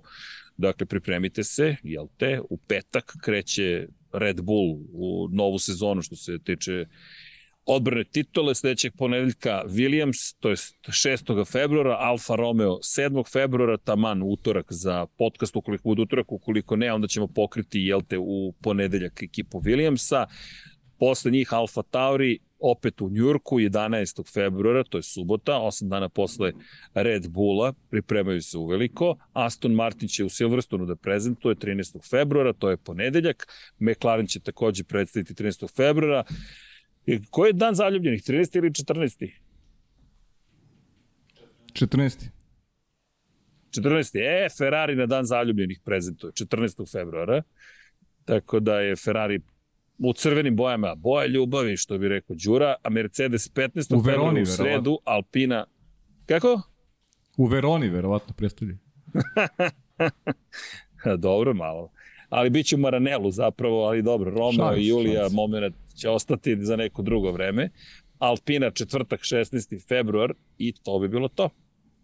Kreće sezona prezentacija i eto, predstavio. Inače, Haas je i najavio da će biti livery launch, ne bolid, nego livery, dakle livreja, kako će izgledati. Williams je takođe najavio online da će to uraditi i da će takođe livreja biti prezentovana. Svi ostali će pokazati navodno i svoje bolide, ali Red Bull prošle godine to rekao, pa baš nije predstavio svoj bolid, ali eto, zanimljivo da su izabrali New York kao mesto gde će predstavljati, ali to i govori opet koliko je tržište prešlo ka Sjedinim američkim državama. Ok, to bi bilo to za 266. izdanje Lab 76, a mi odosmo da se kupamo, evo, dobro, i to širanje pre toga. A, a Kaže, Boško, Sveti Trifun, Srki, kakav crni dan zaljubljenih. Ljudi, ja se ne mešam ni u religije, ni u ljubav, ni u šta. Dakle, svojite Sveti Trifun, zovite dan zaljubljenih, meni je sve jedno, samo budite dobri jedni prema drugima. Dakle, s religije intimna stvar, se i pazite. Svako. I Tako je, mazite se i pazite se. To je Kako to. Drugo. Tako da, da, to je najvažnije da se ljudi mazi i paze. A što, što se tiče ovoga, bit će dan Ferrarija, evo a imate dan Svetog Valentina 16. E, februara, tako, tad je rođen Valentino Rossi, a Svetoga Marka Markeza 17. februara. Pojente je da treba uživati u životu i biti radostan. Gde ćeš ti biti 17. februara? Biću u studiju na kraju uh, 17. Nećeš, februara. Aha, neću biti, ja, ne, ne, ne, ne, ne, ne. 17. neću biti u studiju na kraju univerzuma, ali pa ako budete pratili Lab 76 i projekat Garaža 76, Aha. onda ćemo da vidimo. Ovo ja ne znam o čemu priči ljudi da znate. Često ni mi ne znamo, ali ovog puta smo sigurni. Dobro. Ne, ne, ne, ovoga puta znamo svi, ali ali kada govorimo o, o Paji, Paja je umešao svoje prste. Vidjet ćete i sami šta je to Paja učinio. Da, evo neko komentari se ukida se šikana u Barceloni. E, inače, Filip Koki 43 stigao, Dux danas sjajnje. To, Filipe, nam se ste zadovoljni Duxericom. Koleginici iz prodaje ne dozvoljava da, da se Duxevi daju domaćinima samo ko kupi. Ja sam nosio juče. Ti si nosio juče, Vanja, a? Znači ona ne da samo Opla. neki meni sve. Da, opa. To ćemo, poslije ćemo da rešimo to.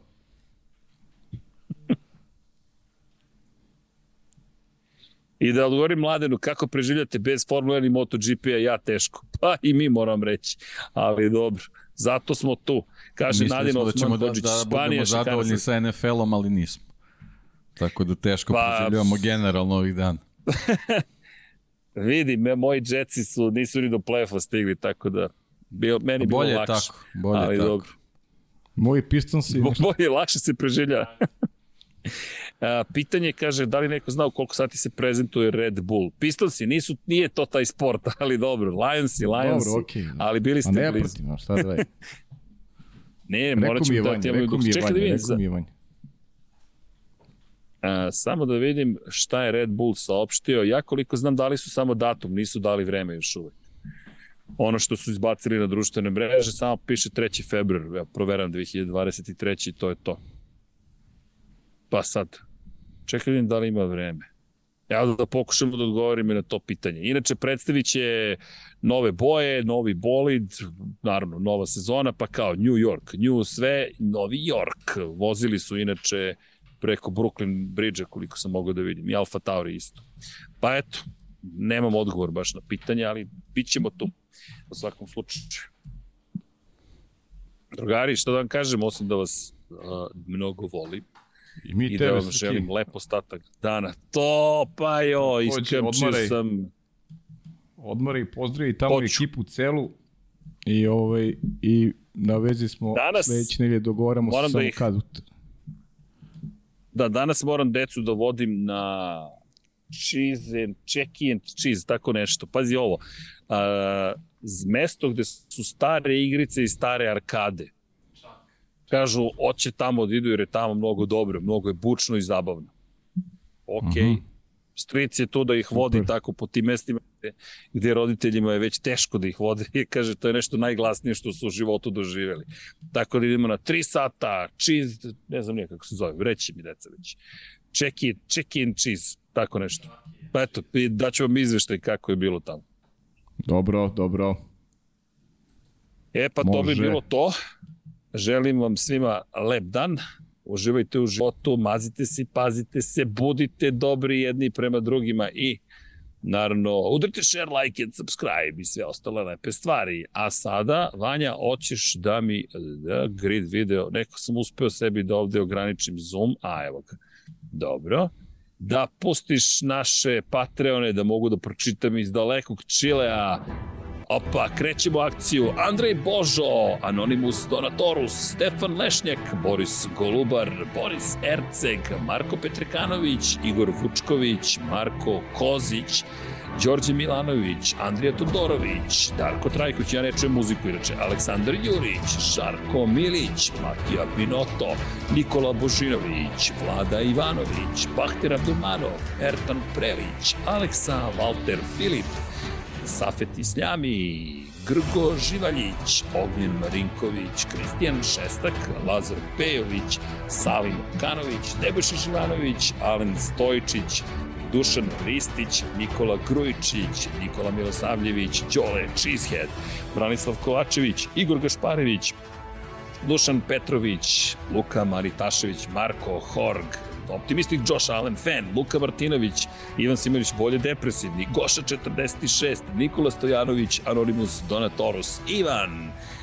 Ivan Maksimović, Vukašin Jekić, Stefan Dulić, Bojan Markov, Stefan Vidić, Džigi Bao, Jasmina Pešić, Ivan Rečević, Luka Savović, Žorž, Đurđica Martinović, Miroslav Cvetić, Dmitrije Mišić, Dejan Đokić, Neđo Mališić, Aleksa Vučaj, Mlađan Antić, Aleksandar Antonović, Danijela Ilić, Nemanja, Boris Kojundžić, Mirina Živković, Marina Mihajlović, Miloš Banduka, Monika Erceg, Crnogorski džedaj, Matej Sopta, Borislav Jovanović, Mladen Krstić, Zoltan Mezeji, Marko Mostarac, Sead Šantić, Predrag Simić, Sava Dugi, Vladimir Petković, Nenad Đorđević, Borko Božunović, Marko Bogavac, Vladimir Filipović, Alen Vuletić, Ivan Toškov, Branimir Kovačev, Marko Kostić, Mario Vidović, Emir Mešić, Jugoslav Krasnić,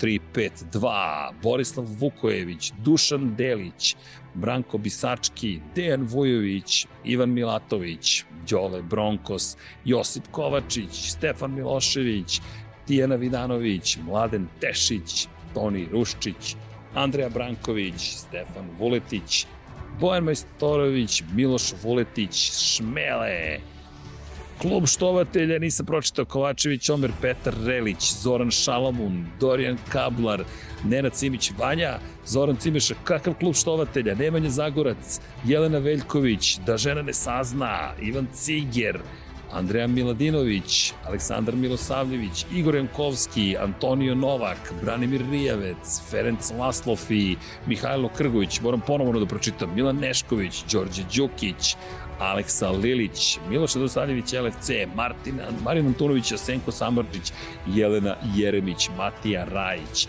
Nemanja Miloradović, Živojin Petković, Marko Ćurčić, Branislav Marković, Boris Gvozden, Danka, Jelena Mak, Aleksandar, Zorana Vidić, Novak Tomić, Bojan Mijatović, Zoran Majdov, Veselin Vukićević, Anonimus Donatorus, Vojn Kostić, Miloš Todorov, Kimi Rajkonen, Aca Vizla, Đorđe Radojević, Kimi Rekonen, Voča Pero, Kro Robi 00, Milanko Mar Marmić, Nikola Niksi, prvi vozač koji ne sponzoriše, Marko Bogavac, Aleksandar P, Aleksandar Kockar, Koja 7, Dejan Janić, MS13, Branislav Dević, Jelena Jeremić, Miloš Stanimirović, Ivan Božanić, Veselin Vukićević, korespondent, korespondent Đorđe Janjić, Žarko Jovanović, Vukašin Vučenović, Tatjana Lemajić, Mensur Kurtagić, Tole Ador, DG Regi, Marakos,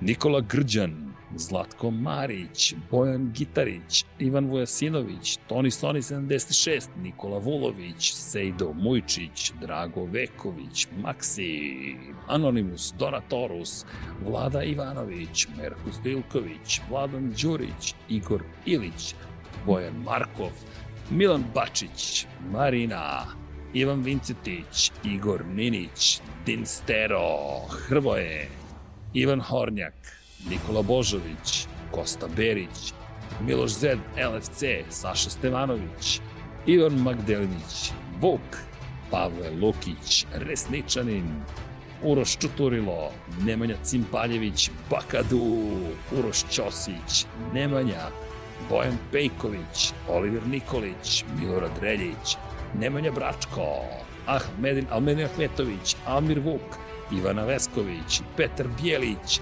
Nikola Kojić, Aleksandar Nikolić, Nemanja Miloradović, Galeksić, Alen Jesenović, Aleks Vulović, Ljena Milutinović, Milan Knežević, Lav Lav, Lav Lav, Lav Lav mi do. E, ali čekaj, koji je klub štovatelja? Čekaj, to nisam uhvatio. To moram da vidimo. Čemu se radi? Da li mi iko čuje više? Da li ste tu? Beograde? O, nismo, otišli smo. Najgori ste od sve dece, znači pomislio sam šta se dešava. O, a ja, okej, okay, ja sam ovde zadužen za moširanje, očigledno, ne. Dobro, hvala momci, šta drugo da vam kažem. I ništa drugi put. A, a, ništa, da, da, da. E, ali čekaj, sada vidim, klub štovatelja. Klub štovatelja. To nisam uspio da pročitam, samo sam to video. A, čekaj. Je li to na Patreonu ili na, ili na YouTube-u? Vanja, jesi video o čemu se radi? Ne. Maši glavom, nije. Ne. Dobro, čekaj da vidimo. Vanja Klub kaže, ne znam i ja ih prvi put vidim. Eto. Te, ja nisam pročito ljudi ima ceo naziv. Čekaj da vidimo. Klub. A, klub. Da vidim. Klub štovatelja Ramona Mjereza. Opa! Dobro, Dobro. Po, pozdrav. pozdrav i hvala. Da, dakle, po, pozdrav i hvala, bukvalno. Dobro, dobro. Vidi, sad, ok, ne znam ni šta bih rekao. To, to je futbaler, ako ja dobro znam, ali ja dalje od toga ne znam. Jel neko zna? Ne, ja ne. Zaista ne. ne ali ovo je, ovo je neko promenio naziv, zato što je dugo sa nama. Ok, saznaćemo ko je promenio naziv, da vidimo o čemu se tu radi. E, ljudi, ne bih dalje e, da duljio, što kažu ljudi, i ja ću lagano da se pozdravim sa svima vama i da idem, moram, posao zove, to je deca zovu, a troje dece čeka da ih vodim da igraju igrice, to je greh ne sprovesti u delu. Njima inače raspust, 1. mart je datum kada počinje nova školska godina, jer ipak smo na opačke, da ne kažem, u Južnoj Americi i samim tim deca su trenutno na letnjem raspustu, tako da ćemo se družiti malo, odoh u to ime malo da im pravim društvance. Uopšte se neću igrati na igricama koje samo ja poznajem, već ću da pomno pratim šta to oni rade, tako da ne brinete. Srki, uživaj u igricama, pozdravi, izljubi tu decu i i ovaj i mi se družimo sa formulom sledeće nedelje. Verujem da će to da bude utorak, ali na vezi smo da utvrdimo termin. Super. A ništa. Vas dvojica, da verujem da imate šta da kažete i za MotoGP, a? Uh, imamo, imamo šta da Dobro. kažemo. O, imamo, imam ja šta da kažem, pogotovo iz perspektive onoga što smo videli u Italiji i malo iza kulisa, svi novinari su bili tamo, pričali smo se sa svima, ali ljudi svugde je isto. Ceo plan je bio najesti i napiti što više novinare možeš u ta tri dana i da svi budu veseli kad pomisle na Ducati, ali jel te, novinari je čudna biljka, svi smo jurili zapravo ko šta kako, ko je, kakvi su odnosi, kdo će stvarno da bude ovde samo veselo ili je, ili je Nea Basterini spreman da napadne Francesca Banjaju. I sve ćete to saznati u Lab 76 posvećenom Moto Grand Prix sa mojim dragim prijateljem i kolegom Dejanom Potkonjakom. Prisutan. Prisutan, to vam kažem. E, pratite garažu 76, dakle nešto se dešava sledećeg vikenda, možemo tako da kažemo. Eto, sledećeg vikenda, a sledećeg utorka ili ponedeljka u Lab 76 posvećenom autosportu, da ne kažem pre svega Formula 1, ćemo vam otkriti šta se to događa. Challenge je u pitanju na vrlo ozbiljan izazov u kojem Deki prednjači trenutno kada je reč o mhm. tome ko, je, ko stvarno ima izazov.